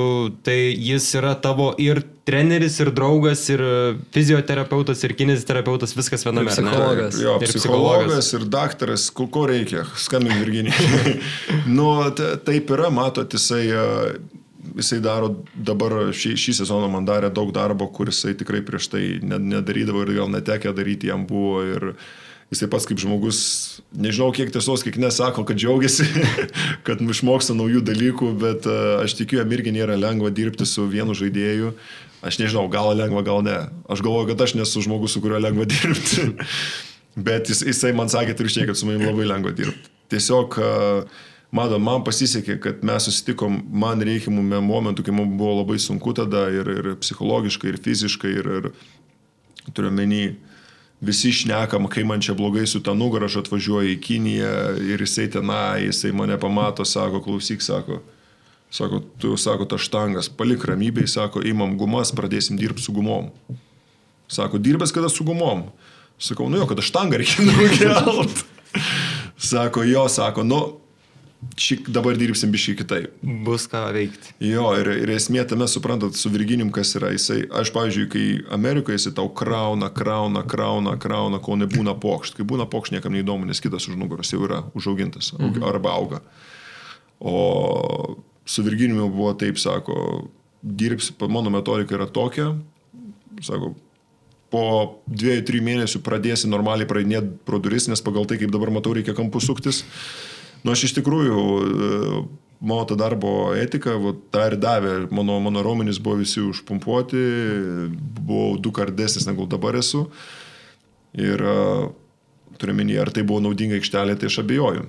o būtent pradėjome dirbti su Virginiju, prasidėjo visai kiti judesiai, pradėjau, pradėjau rodyti judesius, aš žiūriu, kad aš su taguma neįstoviu ant tenai vienos kojos ar pasisukęs, negaliu padaryti nieko. Ir e, tai man būtent labai daug, e, daug padėjo to, tobulėjant ir jis man pradėjo, turiuomenį, sakyti, kad e, žiūrėk, sako, kada tu aikštelį pasiemęs darysi pritupimą su štanga. Nu niekada.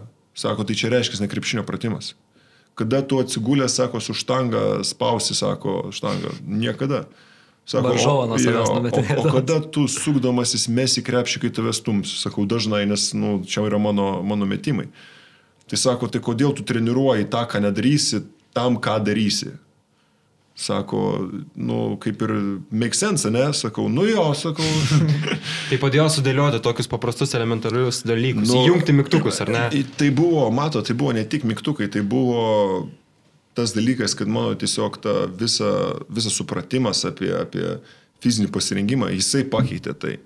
Jisai pakeitė tai ir, matot, praeitais metais gavau traumą, čiurnos traumą, tikrai buvo stipri trauma, keturiom savaitėm iškritau. Ir aš keturias savaitės nežaidžiau ir sugrįžęs turėjau geriausią sezoną savo karjerui. E, ne sezoną, o varžybą savo karjerui. Ir e, suprantat, prieš tai aš būdavau, aš nepasiruošęs, reikia čia tą, na, na, nes ilgą laiką, kai nežaidži, tas ateina. O jisai atėjo, atėjo pas mane, mes dirbom, darėm, bet, na, nu, aš niekada nelakščiau aikštelė, aikštelės, kur prieš tai visi sakydavo, reikia aikštelės laksyti ir mm. taip toliau. Jisai atėjo pas mane prieš žybą, sako, žiūrėk, sako, aš to sako, aš matau, kas pas tai dedasi galvoj, sako, tu esi pasiruošęs, aš tave paruošiau, sako. Sako, tai kad tu tiki ar ne, sako, tu esi jau pasiruošęs ir tu sako, sužaisi geriausias šiam varžybas. Nu ir kai, suprantat, kai esi vienas, tai vienas, bet kai dar šalia žmogus kažkuris tau sako tai ir taip, hm, nu blemba, tikrai mes stipriai dirbom, tikrai mes darėm viską. Nu turbūt pasiruošęs.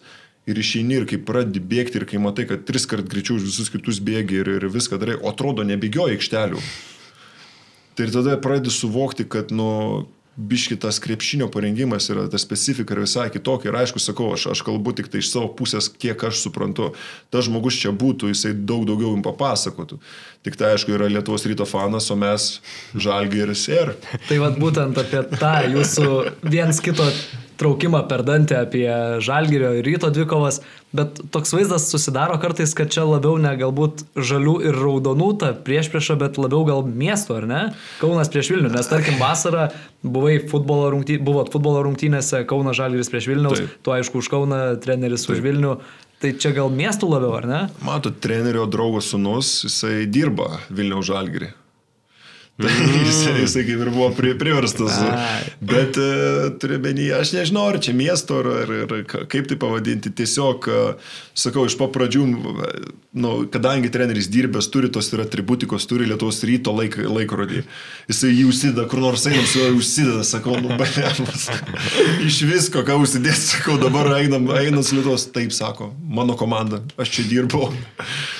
Ir e, turiu menį, nu, tokie pajokavimai, nu irgi supraskite, mes dviese dirbam Kinijoje 7-8 mėnesius labai rimtai, intensyviai yra praleidžiam beveik visą dieną kartu ir, ir nori, nenori tu tai darai. Turiu menį vis tiek yra procedūros, yra krepšinio treniruotės, yra po treniruočio procedūros, apšilimas, pasirengimas, štanginė atskirai tas, anas, nu, turiu menį šią vardin galiu milijonus dalykų. Ir jeigu tu tik sėdėsi apie tą krepšinį išnekėsim, tai tu išprotėsi. Sakau, tą pirmą sezoną, tai taip kaip sužinojau, kad jis Lietuvos ryte dirbęs yra, tai ir prasidėjo taip iš lėto, iš lėto, aišku, pasiekė pogėjų, kai grįžau ir pamačiau pas mane, pas mano tėvus e, Lietuvos e, Vilniaus ryto e, bliuzoną, tai jau ten pasiekė pogėjų mūsų pikčių. pamenu, pamenu epizodą. tai, iki dabar nešnekam, ką nors, kas nors parašo, davai, kokį hebrą, davai, būdų, kokį prikolą, vienas apie rytą, kitas apie žalgirį, jo, jo, jo, man, man parašo. Sakau, treneris, sakau, padarom, ką nors. Sako, nu galim padaryti, tik tai, kad į žinias nepapultų būtų gerai. Bet va, man patinka, nes ir žinias papuolat, spauda pasigauna ir jūs dar toliau varot tą, tą kasat. ne, tai jūs nesuprantat, mano tėvas sako, klausyk, užteks, aš sakau, ne, sakau, jeigu aš dabar sustosiu, visi supras, kad tai buvo iš tikrųjų, o ne bairis. Galvos, kad Virginijus laimėjo. Arba galvos, kad Virginijus laimėjo. Bet aišku, nu, sakau, tiek iš vienos, tiek iš kitos pusės stengiamės būti santuarus, santuarus ir treneris turi palaiko vieną komandą, aš palaikau kitą ir, ir turiu menį būna, būna, kad irgi po, po paskutinių, man atrodo, e, ne, pirmų, kada prieš Olimpiakosą Atienuose kaip gavom. 8 val. miegu dar girdžiu ir takės groja ausysi. Atsikeliu ir takį padėjęs kėdė prie mano, prie mano ir šokojo. Ne, ne, ir įjungęs muziką telefonu ir nuėjęs, sėdi, ką, arba, arbatą geria. ir takį įjungęs. Buvo irgi, nu ir, ir atsikeli ir aš jau, lemba, pralošiam. o jisai atsikėlęs kokią šeštą valandą jau dar pažiūrėjęs tas varžybas žino, jau, jau visai, kad, kad, kad reikia kažką man padaryti. Nes Buvo, Eurolygos rungtynės Kinijoje naktį vyksta, jo. Taip, taip, taip. Paryčiais. Taip, tai va, tai visokių įdomių, nu, prisigalvojom, pralaimi rytas nuo kokio lietkabelio, sakau, tai ką, treneri, Vilniui naujus kabelius nusitiesėt visus. Bet čia ir yra žavesys, kad vienas palaiko rytą, kitas palaiko žalgyrį ir yra tokia kova tarp jūsų, viena, vienos spalvos, o nėra, kad dviese vieną kažkuria komanda. Ir taip, ir matot, iš kitos pusės mes e, tą ir bandom parodyti ir galim, kad ir kokie jūs esate, tenai pamišėties ir gali, ultros taip toliau, vis tiek reikia nepamiršti, kad yra pilna vaikų, kurie ateina į, ta, į tas arenas e, ir, nu, nėra labai gražu tie kiksmažodžiai skraidantis į vieną kitą pusę, nes visgi vaikai atsisėdė irgi klauso tą. Tai tėvai atveda vaikus į tą į tokį gražų šou, pasižiūrėti, kaip geriausi Lietuvos krepšininkai kovoja ant šito parketo ir, ir tenka girdėti koks žalgeris, toks anoks ir, ir or, bet vaikai, rytas. Bet vaikai ir pas tavį Instagramą užsuka. būna visko, nu taip, nu būna, bet matot, mes tengiamės irgi taip išvengti tų keiksmažodžių, būna paslystam irgi nesam tie, kurie nesikeikiam, nemeluosim ir turime tie juokingesni tokie, kaip sakant, pasisakymai, nu papaus, nu treneris kartais pyksta ant manęs dėl to, ne, nekelk šito, nekelk. Bet jeigu viską kelčiau iš tikrųjų ką mes esam priešnekėję, tai oi, čia dar ne kartą būtume buvę žiniuose. tai kada, žinai, trūks dėmesio galėsi kelti, vėl. Ne, tai dėmesio netrūksta, kam čia tu tokio dėmesio gal nereikia mhm. niekam. Nepabėgant NBA, buvo Pelicans komanda, buvo San Antonijos Spars. Gali palyginti visas tris komandas, kuriuose esi buvęs, pačias organizacijos ir panašiai? Taip, visos organizacijos skiriasi, matot, dabar apie Pelikans labai sunku šnekėti, kadangi buvęs savininkas išėjo amžinatelsi, kiek žinau. Ponas Bensonas yra, nu, tuo metu, kai dar jisai buvo gyvas, kadangi jau pasitas tai, kad aš lubavo, jisai netai buvo, net ne, ne, ne taip prieės prie to būtent klubo, jau jisai kaip ir buvo atsitraukęs daugiau ir tenai buvo tikrai jovalas. Hmm. Tikrai buvo, Pelikans buvo vienas iš didžiausių jovalų ir esu susitikęs su uh, su, su keliais žmonėmis iš MBA netgi. Ir um, praeitais metais iš tikrųjų, kai dar San Antonijui buvau ir susitikau su jais, jie pas mane šnekam su jais ir sako, nu kaip sako, kaip sako San Antonijus tau, nusakau, blemba, nu, tikrai geriausia organizacija, kur, kurią esu matęs. Žmo, žmogus, pavyzdžiui, mano darbas žais krepšinį, bet manęs kas nors paprašytų kažkur kažką pavežti, nei vienas žmogus nėra taip, kad pasakytų, ne, negaliu. Ar čia ne, ne mano darbas. Tiesiog visi, žmonė, visi ten darbuotojai išeina iš savo patogumų tų, kad padėti tau kaip žaidėjai, padėti viens kitam ir, ir tas būtent tas šeiminiškas pojūtis yra toj komandai.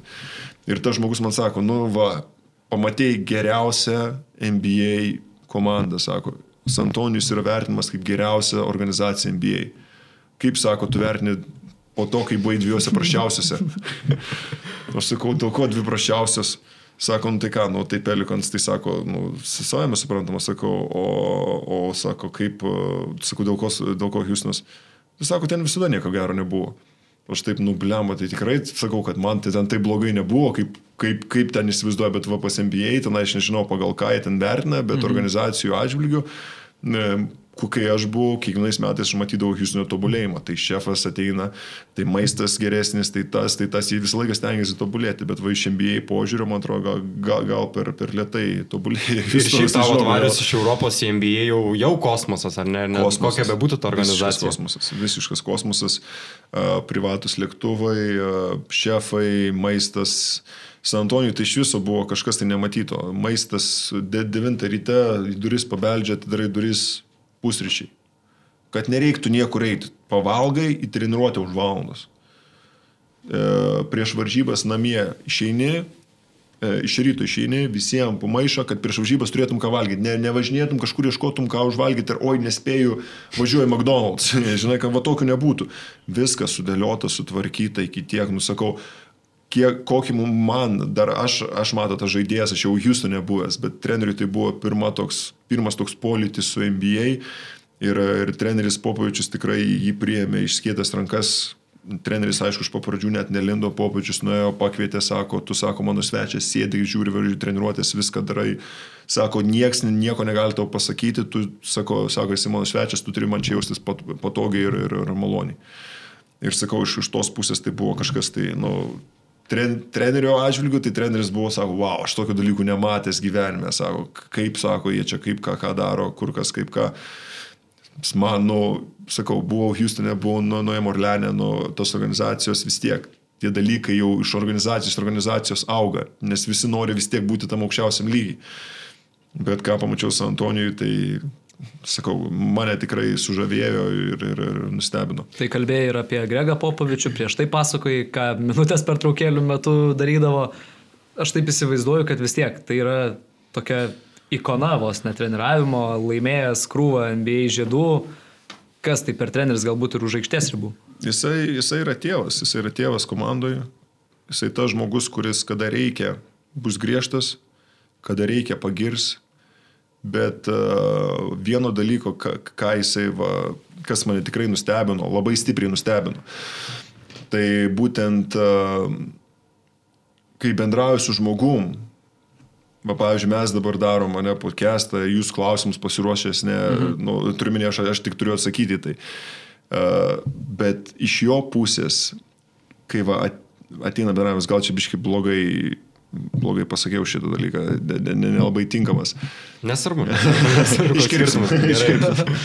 ne, bet tai, turiu menį, jisai, jisai yra tas žmogus, kuris, va, pavyzdžiui, tu susisėdi su juo, nu, mano pirmas sutikimas su juo, e, truko 20 minučių pokalbis pirmas. 20, iš 19 iš tų 20 minučių buvo visiškai nesusijęs su krepšiniu. Buvo apie šeimą, kaip ką aš kur darau, ar mokinuosi, ar kažką darau viską apie mano gyvenimą, apie mano šeimą, apie aplinkui. Nie, ir paskutinė, e, paskutinė minutė tai buvo grinai kokie trys sakiniai apie krepšinį. Sako, nu netgi ne trys, vienas buvo, sako, well, what can I tell you about basketball? Either you know how to play it or not. Ir turiu minį, sėdi su, sėdi su žmogum, kuris matai, kad ne tai, kad klausė bilę klausti, kai būna, žinot, Amerikoje, hey, what's up, how are you? Ir nueina. Nu, vienu žodžiu, jo, net ne, neįdomu. Ne, šitas žmogus ryškiai investuoja laiką ir norą.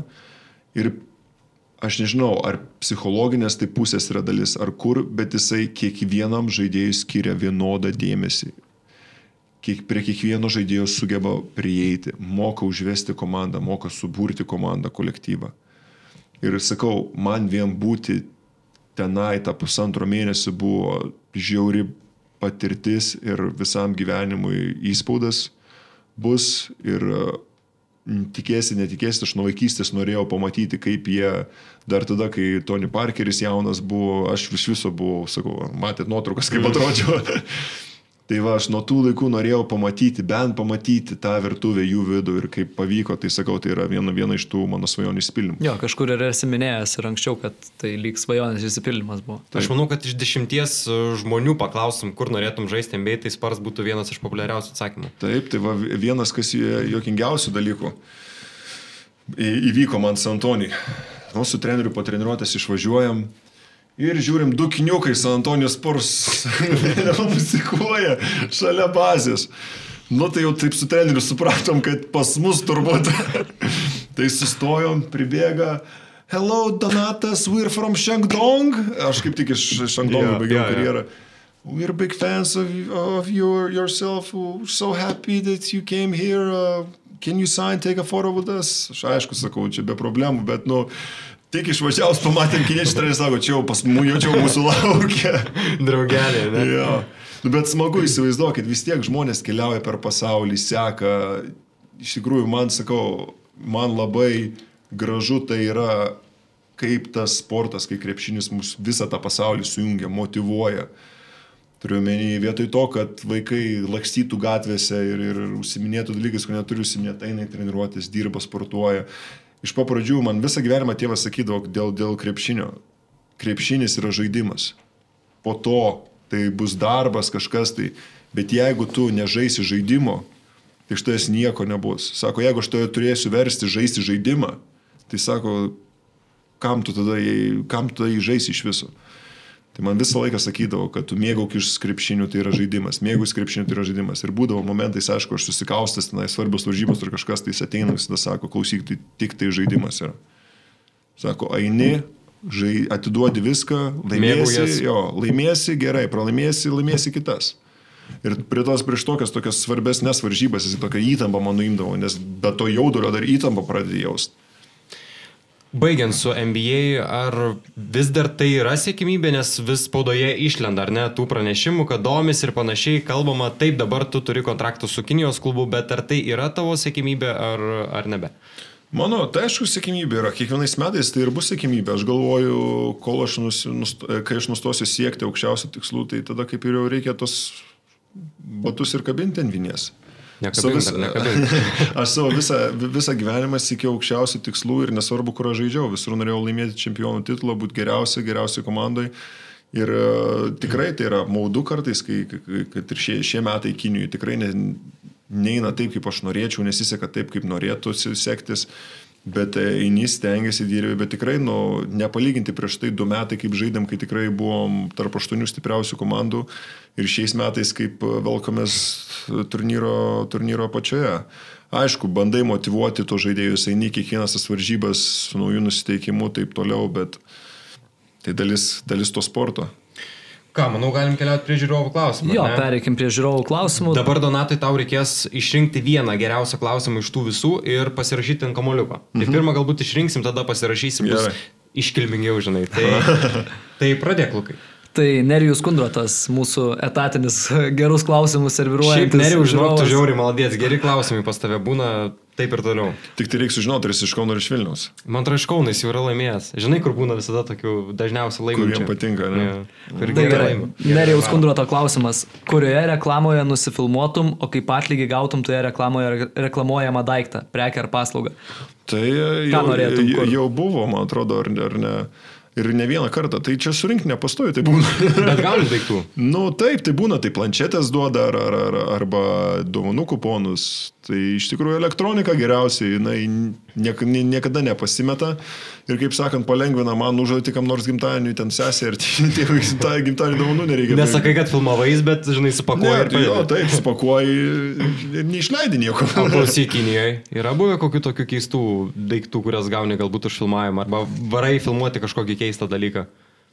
Neįprastą. Kol kas dar nebuvo tenai kažkokio. Nuvažiuosim į Kiniją, Matijūnas. Uh, Matot, be, be, bet aš girdėjau, Kad reikės.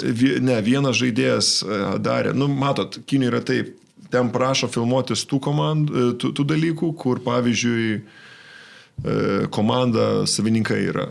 Tai, pavyzdžiui, man praeitais, praeitais metais e, pa, pa, papildus buvo, kom, kompanija mhm. gamino papildus, tai va, tų papildų prašė Nu, nusifotografuoti. bet papildai visai, Ir- visai nieko. Ir tų papildų davė. Aišku, treneris atėjo, nebandyk gerti, nežinau, sako, kas čia yra, sako, tingiu skaityti, ne tai, kad tingiu skaityti, bet sako, nu, nu negali pasitikėti tenai. Mm. Ne, jeigu ne, FIBA neuždėjus emblemos, kad mūsų patikrinta sveika, nebandai liest. Gerai. Tai va, kitiem atidaviau dovanų. Ir dar antra klausimo dalis Nerijaus Kundroto, tai kokioje reklamoje už jokius pinigus nesifilmuotum? Tai dar... Uh, Nebaigiau su tą reklamą, tai prieš tai su to nebaigiau. Uh, Luisas Skolo, Skolos komanda pirmais metais Šankšy. Mm. Savininkas uh, buvo alkoholio gamintojas. Mm. Ir uh, jį vertė.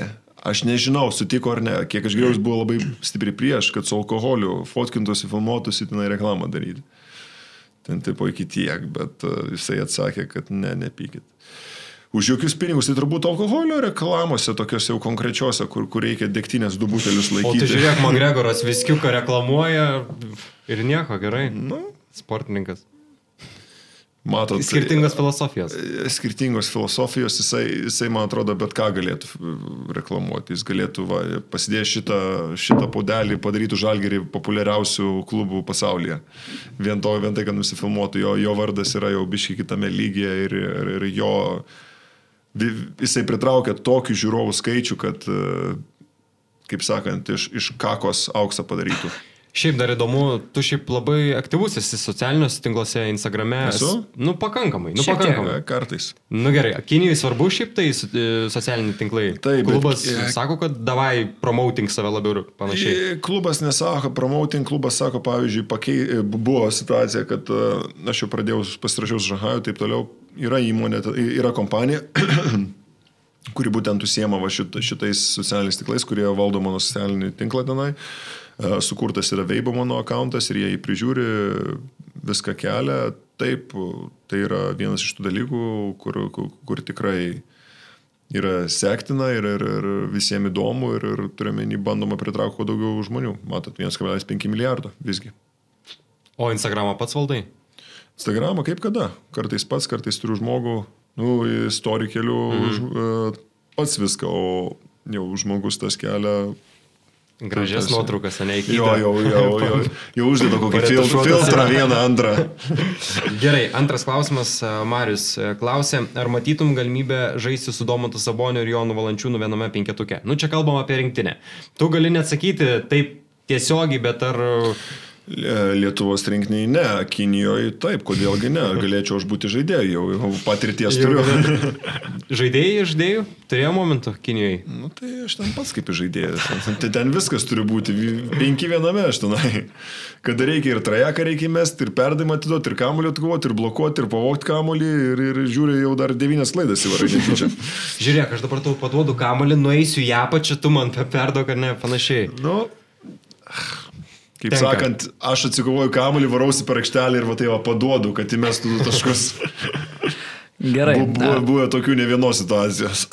A, Benas klausia, e, tiksliau prašo išvardinti penkis tavo nuomonę geriausius šiuo metu Kinijoje rungtyniaujančius legionierius. Legionierius. Bet padarom penketuką, kad būtų įdomiau. Nuo žaidėjo, gynėjas, lengvasis kraštas. O, Šiaip Matot, gerų yra. gerų, bet dabar man dar atsiminti jų vardus reikia. Nu, pavardėm gali. Tik. Ką jisai nežino, kad aš taip ir pavardžių nelabai atsimenu. Aš, aš jums sakiau pradžioj podcast'o, kad kai pas mane, nu, tokios, kai aš žaidžiu, man nesvarbu, čia Lebronas Džeimsas ar tas. Aišku, Lebrono Džeimsą jau sunku pra, praskypinti. Tai nebūtinai šiemet, galbūt iš pernai, iš vi- visų metų, kai žaidėjai Kinijoje. Skola, tu. Aš, aš savęs tai tikrai nedėčiau tenai. Eik tik. Akim pamerkę, nedėčiau. Ne, nu, yra, yra, yra Jeremy, Jeremy Linas, tikrai manyčiau vienas geriausių užsieniečių tenai žaidžiančių. kur- Krūta biškė, ne, jis ten. Nu, žaidžia, neblogai žaidžia, ma- ma- mato žaidžia tokio uh, Pekino komandoje, bei Pekino Daksų komandoje, kur graikas vyr treneris yra, yra labai stipri sistema ir jie laimi daug varžybų tenai, būtent pasikliaudami tą sistemą. Gerai, Linas. Metikas, Mhm. Gal Bobby Brown dėčiau metiką. Gerai, Tikrai Bogdanas. yra prieš musinės varžybas laimėjęs nuo vidurio pradėjo mėti. Tiesiog šiaip. Persiveręs, ne, ne tai, kad šiaip persivaro vienas žingsnis ir kala trajeką ir nieko, apart tinklelio nieko neliečia. Tai va, tai Kosmosas. pralaimėjom tas varžybas. Gerai, lengvas. Va tame ir esmė, kad tenai, kada važiuoja žaidėjai, dažniausiai važiuoja pirmas ir penktas. O antrą, trečią ir ketvirtą dažniausiai vietiniai. Nu gerai, tada dėk bet ką. Kad ir centrą į lengvą į kraštą. Centrai lengvai kraštą. Tai vis tiek buvo Borusis, buvo Skolia, Nu, dar. ha. Justin Hamilton. Nu, penki. Yra, yra tikrai, sakau, yra N žaidėjų. Jacksonas dabar žaidžia Makabiją. Nesveikai, praeitais metais žaidė irgi Pekin- Pekino Daksuose. Esu matęs varžybų. kur, Ferdetas. Nu, Ferdetas. Ferdetas irgi persivaro vienas žingsnis per 30 per, vidurį ir... ir Aš Žiūriu, jau skrenda. Kinijai mylėjo jį, ar ne, jau buvo. Ferdetą? Tikrai taip, numatot, jisai, jisai žaidė tą krepšinį, kurį nu Europoje jūs negali žaisti. NBA jisai neturi vardo tą žaisti, o Kinijoje tos, tos galimybės jam leido jis ir, ir jisai yra žinomas tuo būtent, tas trikimetikas. Gerai, važiuojam toliau. Uh, 3 plus ir 3 minusai žaidžiant Kinijoje.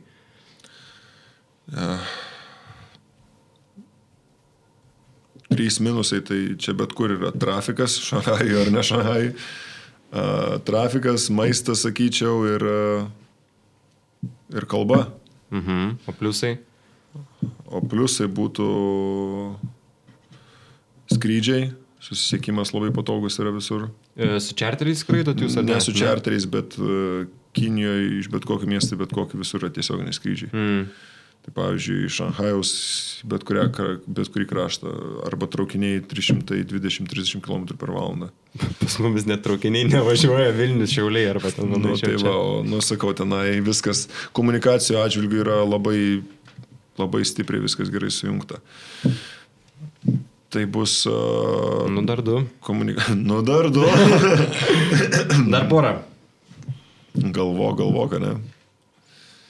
Uh, tai turbūt uh, piniginį aspektą negalima atmesti, nes vien- vieni geriausių kontraktų seniečiam yra tenai ir labai sunku išbūti.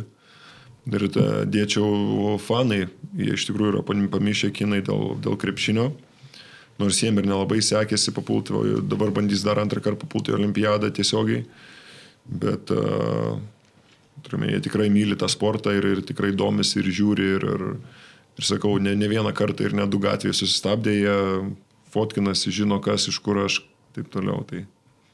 Tai va, išvardinai, pavyko. Gerai, važiuojam toliau. Uh, Papasakok linksmiausią epizodą iš rungtynių Kinijoje, kur galbūt patyrei kažką, ko niekur kitur per savo karjerą neteko. Nu, aš nesu patyręs to, bet esu Matęs. matęs. Tinka irgi. Vi, video metai prieš man atvažiuojant į Kiniją rodė. Uh, žaidė Bizlis tada komandai. Mhm. Ir tarp kitko, po to sezono Bizlis atvažiavo į Houstoną. Bet jis man šito, ne, šito nepasakojo, bet aš mačiau video iš kitų žmonių. Vienas iš mūsų žaidėjų, nu yra, kiekviena komanda turi tokį nešvarų žaidėją Kinijui, kuris, nu, nešvariai žaidžia. ir pas mus buvo toks didelis, didelis žmogus, kuris nešvariai žaidžia ir video yra per varžybas, ten kažkas vyksta, jis kažką stumia priešin komandos užsienietį, amerikoną. Ir taip stipriai, grubiai ar kiša koją, nu, tok, mhm. toks labai nes- nesportinis, tas atsisuka, bet nuo sudėjimais kaip Tanoka Birdas. Ir pradeda vytis jį. Įsivaizduokit, visa komanda po vieną Tai pusę. Bizlyvijos? Ne, ne, ne, ne. ne. Ai. Kitas, e, dabar neatsimenu, kas, kas tas Ameriko, mm. amerikonas buvo. Bet aš sakau tą vaizdą, jisai atsistoja, atsisuka ir pradeda vytis, o tas bėga iš salės. Ten teisėjai, žaidėjai ir bizlis jie apsikabino gaudė, o tas iš aikštelės jį vos neišsivijo. Ten komanda žaidžia, tai jau čia beisi. Matomai ne pirmą kartą tai padarė, tai supranti, nes man Jo. irgi buvo burusis atėjęs, sako, nes tas pats dėlis burusį mm. dengia. Sako, klausyk, sako, galėtų mane dengti. Sakau, kas Janė yra? Nu, sako, užkniso, kiek už mano šaratų gali graibyti, sako. Nu, nelabai sportinis veiksmas. Nelabai. Nu. Nelabai. Tai va tokių bairių būna, ne? Nu, pasitaiko, matot, vas, ka- kalbame apie serbus, kad kai šokį spjauna į veidą, tai įsivaizduokit, tai irgi yra. Yra ir man susidūrė su tom situacijom, bet aš reaguoju šaltai, matot, e, ir, ir šiais metais e, prakirto antakį man irgi specialiai, spe- specialiai momentas, paprasčiausiai ten yra tokie, dar ten yra tie dvigubi standartai, tai aš kai užsienietis, aš esu pašalinis ir manęs niekas nesaugo, niekas nežiūri, bet jeigu vietinių aš tai padaryčiau, tai aš būčiau suspenduotas dviem, trim varžybom. Bet šiaip tas dėmesys e, tau kaip e, žaidėjų iš Europos galbūt e, kaip vienam komandos lyderiui žiauriai didelis, nes aš esu matęs vaizdo įrašą, kur tur tarp keturių, va taip, ten bandai išsivaryti, nes visi presinguoja tave. Nu, matot, Būna, taip, sezoną, kadangi turėjau sezoną ne vieną ir parodžiau, kad aš galiu būti lyderis ir esu lyderis ir, ir galiu žaisti aukš, aukštam lygiai ir taip, kaip jiem reikia. Jie tikrai viską stat, stato ant manęs ir buvo tas pats ir prieš tai. Ir, ir dėl to yra labai svarbu, kas yra antras žmogus mano komandai, antras užsienietis. Pirmais metais buvo Tai Lawsonas, su- pirmais dviejais metais ir Andrew Goodluckas, Tai Lawsonas su Go- Andrew Goodlucku, su kuriais man puikiai pavyko žaisti ir mes tikrai turėjom labai gerus rezultatus. Šiais metais buvo atvažiavęs Jamesas Nannerly, kuris nu, nelabai tiko prie mano krepšinio supratimo ir, ir, ir pastangų. Ir, ir turiu menį, tas sezonas toks ir prasidėjo, paskui bandė taisyti situaciją, Nannerly atleido, pasiemė kitą, bet vėlgi sezono metu mes žaidžiam kas antrą dieną, treniruotis nėra kada irgi pritap naujam žaidėjui, tik tai su laiku pavyksta ir, ir turiu menį, tos problemos tęsiasi toliau, o kada turi du stiprius žaidėjus nuo pat pradžių, tu, tu turiu menį, mes susižaidžiam labai greitai. Susižaidžiau tiek su Edriu Gudloku, tiek su Tai Losonu, mes susižaidžiam labai greitai ir buvo labai paprasta mums žaisti po to. Gerai, važiuojam toliau. Izabitis klausė, jeigu būtų galimybė atsukti laiką ir pakeisti kažkurį savo karjeros sprendimą, ko, kuris sprendimas būtų, kuris momentas? Sprendimas koks būtų? Neteikti Metais- šitą podcastą. Ne, gal metais anksčiau, metais anksčiau į, į draftą prisiduočiau. Mm. Nes mano, mano tas... Bet tu berodė Langinos, ar ne? Ar bet ne? tu Ar buvai pateikęs, ar ne? Buvau, buvau pateikęs, atsiemiau jo, man išoperavo tais metais anginą, nes aš tai jau turėjau chronišką anginą, man televizija kaip būdavo, man būdavo vasara, žiema, nesvarbu, pas mane girklėvo tai jau ištinus, a, tik tai kažką šaltesnio atsigėrus, jau tikrai buvo prasta situacija ir, ir iki tiek, kad netgi lakstydavau ir ant tiek spausdavau man kvepavimo tokius, kad džiaugčiadavau, tiesiog refluksas atsiradęs buvo. Tai, mm. Tai va, tai buvo būtina tai padaryti, tai va, tai vienintelį dalyką. O kaip galvoji, kas būtų pasikeitę, jeigu tu būtum metais A, anksčiau? Būčiau aukštesnis šaukimas, būtų gal galimybių daugiau gavę žaisti, pasireikšti taip toliau. Tai yra niuansai, su kur būtų, gal būtų, o gal nebūtų. Turiu minėjau, gal būtų kaip tik blogiau. Mhm. Gal, būtų, gal būčiau sužvaigždėjęs ir būčiau dabar čia nebūčiau. Kas būtų, jeigu būtų? E, Gerai. E, Saulis Gestautas klausia, jeigu dabar reikėtų rinktis naują klubą, naują karjeros stotelę, ko- kokios pagrindinės sąlygos būtų, į ką labiausiai kreiptum dėmesį be užmokesčio? Žaidimo laikas. Vis tiek, a, kaip aš jums minėjau ir prieš tai, mano meilė krepšiniui yra neapsakoma. Ir turiu minį, jeigu kažkur važiuoti, kad, kad tik pasidėt, paplot, tai taip, galiu nuvažiuoti pusantrą du mėnesius po savo sezono atžaidęs, neturiu jokių problemų, atiduosiu viską, ką galiu. Bet a, jeigu kalbant apie va, tą kitą stotelę, tai vėlgi aš noriu būti vienas pagrindinių žmonių, kad būčiau naudojamas, kad manęs norėtų. Čia yra pagrindiniai dalykai. Povilas klausė, pats buvai irgi NBA, matei tas žvaigždės iš arti, koks būtų tavo NBA svajonių penketukas? Galbūt iš dabar žaidžiančių arba... Tai dabar žaidžiančių būtų, dėčiau tikrai Westbrooką kaip pirmą numerį, a, Hardinas būtų antras, nes a, tokio kalibro žaidėjo dar nesu matęs ir a, aš galvoju, tikrai keli komentarai apie jį buvo, kad jis yra mūsų laikų Jordanas, tai yra labai teisus ir taiklus poliminis arsenalas yra tiesiog neišpasakytas. O, penktą numerį dėčiau turbūt Anthony Davisą, ketvirtą, dabar kalbam apie dabartinius, jo, galim... tai da, dabartiniuose tikrai dėčiau Domantą, nes manau, kad jo, jo tobulėjimui dar labai iki jo geriausio žaidimo, dar mes jo, ne, dar mes jo geriausiai žaidžiančių nepamatėm, dar pamatysime. O trečias dalyko. Tai, trečias, tai vis tiek mano vienas mėgstamiausių žmonių, kuris gal nėra toks uh, efektyvus polime, kaip iš tikrųjų, koks jisai iš tikrųjų galėtų būti, bet gynyba ir, ir komandiniai veiksmai ir koks ir rūbinį buvo, tai Trevoras Ariza.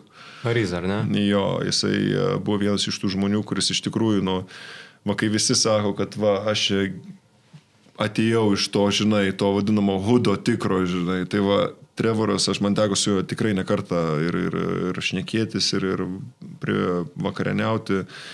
Ir jisai man pasakos iš, iš tikrai, iš kur jisai atėjęs, kaip kas ką. Ir ant tiek įsilavinęs žmogus yra. Ir, ir tik tai parodo, kad nuo mūsų kiekvieno priklauso, ko, kuo tu būsi, kaip tu nuspręsi ką. Nes jis, jisai man tiesiai šviesiai pasakė, jis drąsiai galėjo nebūti krepšinėje, o būti negyvas kur nors dabar. Va. Sako, tai tik tai buvo mano pasirinkimas ir taip toliau. Tai, va, tai man iš tikrųjų nustebino, kad žmogus vis tiek, va, net tokiam jaunam amžiui sugeba, tas susispyrimas ateina viskas ir sugeba pasiekti kažką gyvenime, o kaip tai, va, tapęs NBA čempionu yra. Bet iš pažiūros žiūrint į Arizą, atrodo, kad jis labai toks en- inteligentiškas, toks labai išlaikytas. Tai yra toks, jis ne? toksai ir yra būtent toksai, jisai irgi tas žmogus, kur jeigu jau garsiai pradės šnekėti, tai visi klausys, nes jis šiaip savo nešneka. Mhm. Gerai, dar vienas klausimas. Tai sakai, sakėt, keturi klausimai dabar. Sakėm, kad tai Sakant. galės. Gerai, bet jau, jau prie pat pabaigos. Ar Jau, išmoko jau, jau. Donatas jau kinų kalbą? Nihau. E, Jeigu išmokai, prašo, kad pasakytum žalę baltą. Žalia balta tikrai nežinau kaip. Aš galiu keiksmaždžius visus pasakyti. Pasakyk nors vieną. Vieną. nu, Šaby. Šaby. Čia galima išversti ar nelabai? Aš nežinau, ar jūs dabar mes tiesiogiai varom? Ne, Ne, ne, ne, tiesiog. ne, tiesiogiai. A, tai gerai, nors tiek. Nu tai daugiau mažiau. Gerai, žalia balta negavom, nors kažką kito. Ir paskutinį. Žiūrėsi dabar, jeigu koks čempionatas bus. Dabar Dabar da- šabi, šabi, šabi, lietuviai. Dabar Dominikų darbo bus galvoja. E, Gerai, paskutinis klausimas, viskas. Antanas klausė, ar norėtum karjerą užbaigti žalgerį? Tikrai taip. Tikrai taip, tai viena mano svajonių ir uh, tikiuosi, kad neįsipildys. Uh, Tai dabar išeidamas Vatmotejūnui užsuk dar kartą primink, žinai. ne, taip, Paulius žino, aš žinau, visi žino tą, kad uh, tai yra mano svajonė. Ir tikiuosi, ta, ta diena ateis, kai jinai įsipildys. Ir, ir turiu menį atstovauti žalgriui bent jau tą vieną sezoną. O jeigu neišeis, nu tai Nu, tikiuosi, išeis. ta- ta- tada, tada sėdėsiu su ta ultrom čia va. Tikiuosi, kad šitą maikę ir aikštelį bus, žinai, tai Nu jau šitą gal ne, bet panašiai. bus panašiai. Gerai, dabar- dublerių- dabar- dabar- Žalgirio dublerių dar turiu kažkur tai. Mama, mama surinkus visas maikės, kurias su kuriam žaidžiu. Kiekvienais metais grįžtu ir paduodu. Ir, ir pa, pakabina ar tiesiog Ne, sudeda? spintui sudėta. Aš pasikabinu jau tas jau. Jau savo nekabinu, ka, ka, kabinu, kadangi esu didelis futbolo mėgėjas, tai futbolo turiu. Ir mesi turiu. Tai gal kelią apie futbolą, ką nors išklausyti. Gali. Müncheno Bayernas, ar ne? Tikrai taip. O jeigu ką nors kitą palaikytumėm, čia žinai, ne Bayerną. E, Jei ką nors kitą, ta komanda, kur nėra Ronaldo. Tai kai buvo atvykęs į Lietuvą, jau labai nepavydėjai visiems, kad čia žiūrėjo. Oi, stebėjo. tikrai ne, tikrai ne. Aš sakau, man. Uh, Nebūtum bėgęs kaip tas, kad bėgo, net ten Ronaldo parašą. o kiek baudos gavo? E, negavo jisai Tai federacija. federacija gavo. Bet nedaug ten, dabar tikslių skaičių nežinau, bet negavo labai daug. Nu tai ką, Donatai, išrink dabar klausimą. Nori pasižiūrėti ar atsimeni, kuris užstrigo? Tok, pasižiūrėsiu. Iš tikrųjų, užstrigo. Matot, aš pasakysiu. Nerijau, atsiprašau tau iš karto, jie iš karto išdavė, kad prieš tai jau esi laimėjęs, tai tikrai gerą klausimą sugalvojau. Sorry, bet- bet, kaltas aš. bet jie kalti jo. Uh, šiaip būčiau ir išrinkęs tave, bet atsiprašau. Vaik, ne kas man duoda. Žmogus man pradės rašinėti po to supykęs. O tikrai rašai, jis lauks, lauks kitą O kartą. šiaip to būna daug žinučių neigiamų. Oi, būna, patikėk manim. Būna tikrai, nu, bet tai žinai. Ko čia prie telefono sėdi? Ne, tai to tokių, tai čia, tai čia nieko. Gauni kokią tu esi lohas. Iš tavęs gyvenimo, kre, gyvenime krepšinko nebuvo. Čiupktų. Tai aš, ta- Čiuptinuką. aš tada įsijungiu, pasižiūriu, a, iš Vilniaus viskas aišku. O Virginijai tas pats parašo šunuolis Virginijų, ne? Jo, jo, jo, jo, jo panašiai, bet, bet, bet žinot, kas, kas man keiščiausia, nu gerai, aš, aš stumiu ant ryto, jisai stumia žalį, nu tiek ir stumia, mes viens ant kito stumiam, čia Taip. daugiau negu ant to ryto žalgirio stumiam, bet pasinaudodami, kaip sakant. Ir galų gale taip, taip gaunasi, kad mane ryto fanai keikia, o treneriai per dantį traukia žalgirio fanai ir jie mane palaiko. Toks ratas, Nu, ne? ta, ne, ne, bet toks ratas, kad žinai, nu, iš, iš tos Vilniaus pusės tokį neigiamą energiją, mm. nu, labai daug žmonių, nu, aš nežinau, įsižeidė, gal nesupranta, aišku, mano, mano ta ke- keli ten tie e, akt, ne aktai, nu, polgiai buvo mm. tokie, nu, nemalonūs, nu, ga- galim sakyti, bet vis tiek tai buvo nukreipti ties trenerių, ne, ne ties Taip. komandą. Ir, ir tai aiškiai parodžiau, bet... Bet čia ir yra bėda, kad ne visi tą supranta, kad Ne visi tą supranta, nu, o tame, va prie to ir prieėm, kai čia visas tas skandalas įvyko, aš minėjau ne kartą, ne visi vienodai supranta juokus. Mes su treneriu sėdim, mes žvengiam, lasdavojamės viens iš kito, taip toliau, taip toliau, taip toliau. O, o turime, O ne. kiti, ki- kiti galvoja, kad tai čia ant jų miesto, ant jų komandos mes čia varom. Ne, tai čia viens kitą per dantį traukti. Sakau, būna, atsikeliu ryte, sako, vatneša nuotrauką Vytauto vandens, sako, va, girdėjau vakar, ne, ne Vytauto, Neptūno vandens, girdėjau vakar paskendot, sako. nu tai, turiu menį, sakau, mes džiaugiamės, kad, e, kad žmonės mūsų seka, kad mūsų palaiko, sako, treneris aną dieną irgi čia važiuojam šitas varžybas, sako, Donatas, sako, prie jo, sako, žmogus pirmą kartą to gyvenime pasisveikino, sako.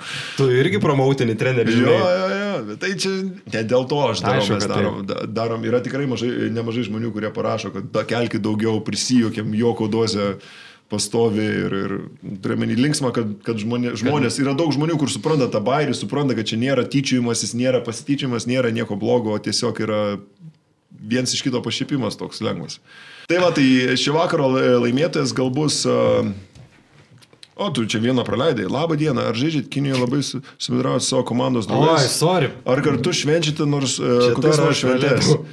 Jei taip, tokias. Gerai, papasakok dar Tai apie va, šitą. šitas ir bus laimėtojas Arnas. Arnas? Jo, Gerai. Arnas bus Na, tai laimėtojas. papasakok apie tradiciją šventės. Taip, tradicijos jų iš tikrųjų yra labai įdomios. Jie yra, kaip sakant, kai tik tai šventi, taip ir smeigia. Būna, ne? Taip ir pila. ne, aišku, jokas jokais, e, jie, pas jos šventės yra labai šeiminiškos, va, ką galėtume pasimokinti, pavyzdžiui, mano, e, pas mano senelius tai būdavo. E, vie- Vieną kartą per metus, per vieną šventės, ar tai Velykos, ar tai Kalėdos, visą laiką pas mano senelius Klaipėdui, pas mano tėvo tėvus visą laiką praleisdavom tenai. Ir, ir pas juos va būtent yra tie kinų nauji metai. Ir dėl ko visi sako, tas virusas išplito, būtent tuo metu kinų nauji metai prasidėjo ir skaičiuojama, kad tai yra didžiausia migracija visoje žemėje kada prasideda kinų naujieji metai, visi kiniečiai važiuoja pas savo šeimas aplankyti šeimas ir tai tęsiasi savaitę laiko. Ir, ir turiu menį, tuos dalykus pamatyti yra labai įdomu ir gražu, bet tuo pačiu ir nemalonu, kadangi viskas yra užkišta, traukinių biletai išpirkti metai į priekį, lėktuvų biletai išpirkti metai į priekį, viskas yra tiesiog, nu, yra toks chaosas vyksta. Bet sakau, iš kitos pusės pasižiūrėjus, jie labai tokie šeiminiai žmonės.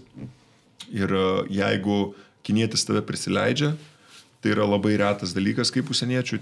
Pavykę man su keliais kiniečiais tikrai labai gerai susita, susitarti, subendraut, kur mane į gimtadienius kvietė, e, į gimtadienį buvo išrūkyta avis, man atrodo. E, nu, tikrai buvęs tokiuose dalykuose, kur nu, ne kiekvienas papuola ir... Ir, Ir matė iš arti jų tradiciją, sakykim, Taip, nu, taip, nu, tradicijos pas juos yra kitokios, jie yra kitokie žmonės, jie daro viską kitaip. Ir sakau, kadangi mes visi žiūrim daugiau tuos vakarus, todėl jie mums mum da, labai šokiruoja jų tos tradicijos. Bet kada tu taip nusisėdi, tau viskas ir tu pradedi žiūrėti, kad tikrai tos tradicijos pas juos yra įdomios ir jos gražios yra. Tai va, Tai Tai laimėjo. Arnas, ar ne? Arnai. Tai Ta pasirašyk. pasirašyk, na, o prizus įsteigė, Nepyk neriau dar kartą. o prizus mums įsteigė Žalgiri Shop, kurį galite rasti ir žalgirishop.lt. Ne, geriau gyvai nueiti. Buvau laisvės alėjai. Kiek nuolaidos pritaikė tau? Iš tikrųjų, va ką pasakysiu. Vien, e, vienoj pirkau, o pirkau Akropolį, apsipirkinėjau Akro- Akropolį, o nuėjau į Laisvės alėją mhm. ir man buvo sura, suruošę ir man, ir treneriui dovanų. Tai va, tai Kaip buvo fainiai. jo labai malonu. Gavau halevas uždyką. Tai gal man irgi su tavim reikia, na, gal man žinai. Galbūt, sakė, sako, žinom, kad treneris sako, nelabai propaguoja žalgerio, bet sako, va vis tiek ir jam įdėjom. Tai labai iš tikrųjų ačiū žalgerio šopui. Tai ką, Arnas Pranskūnas, sveikinam jį su pergalė. Taip, Arnai. Kaip tau patiko podcastas, gerai? Ar jums patiko?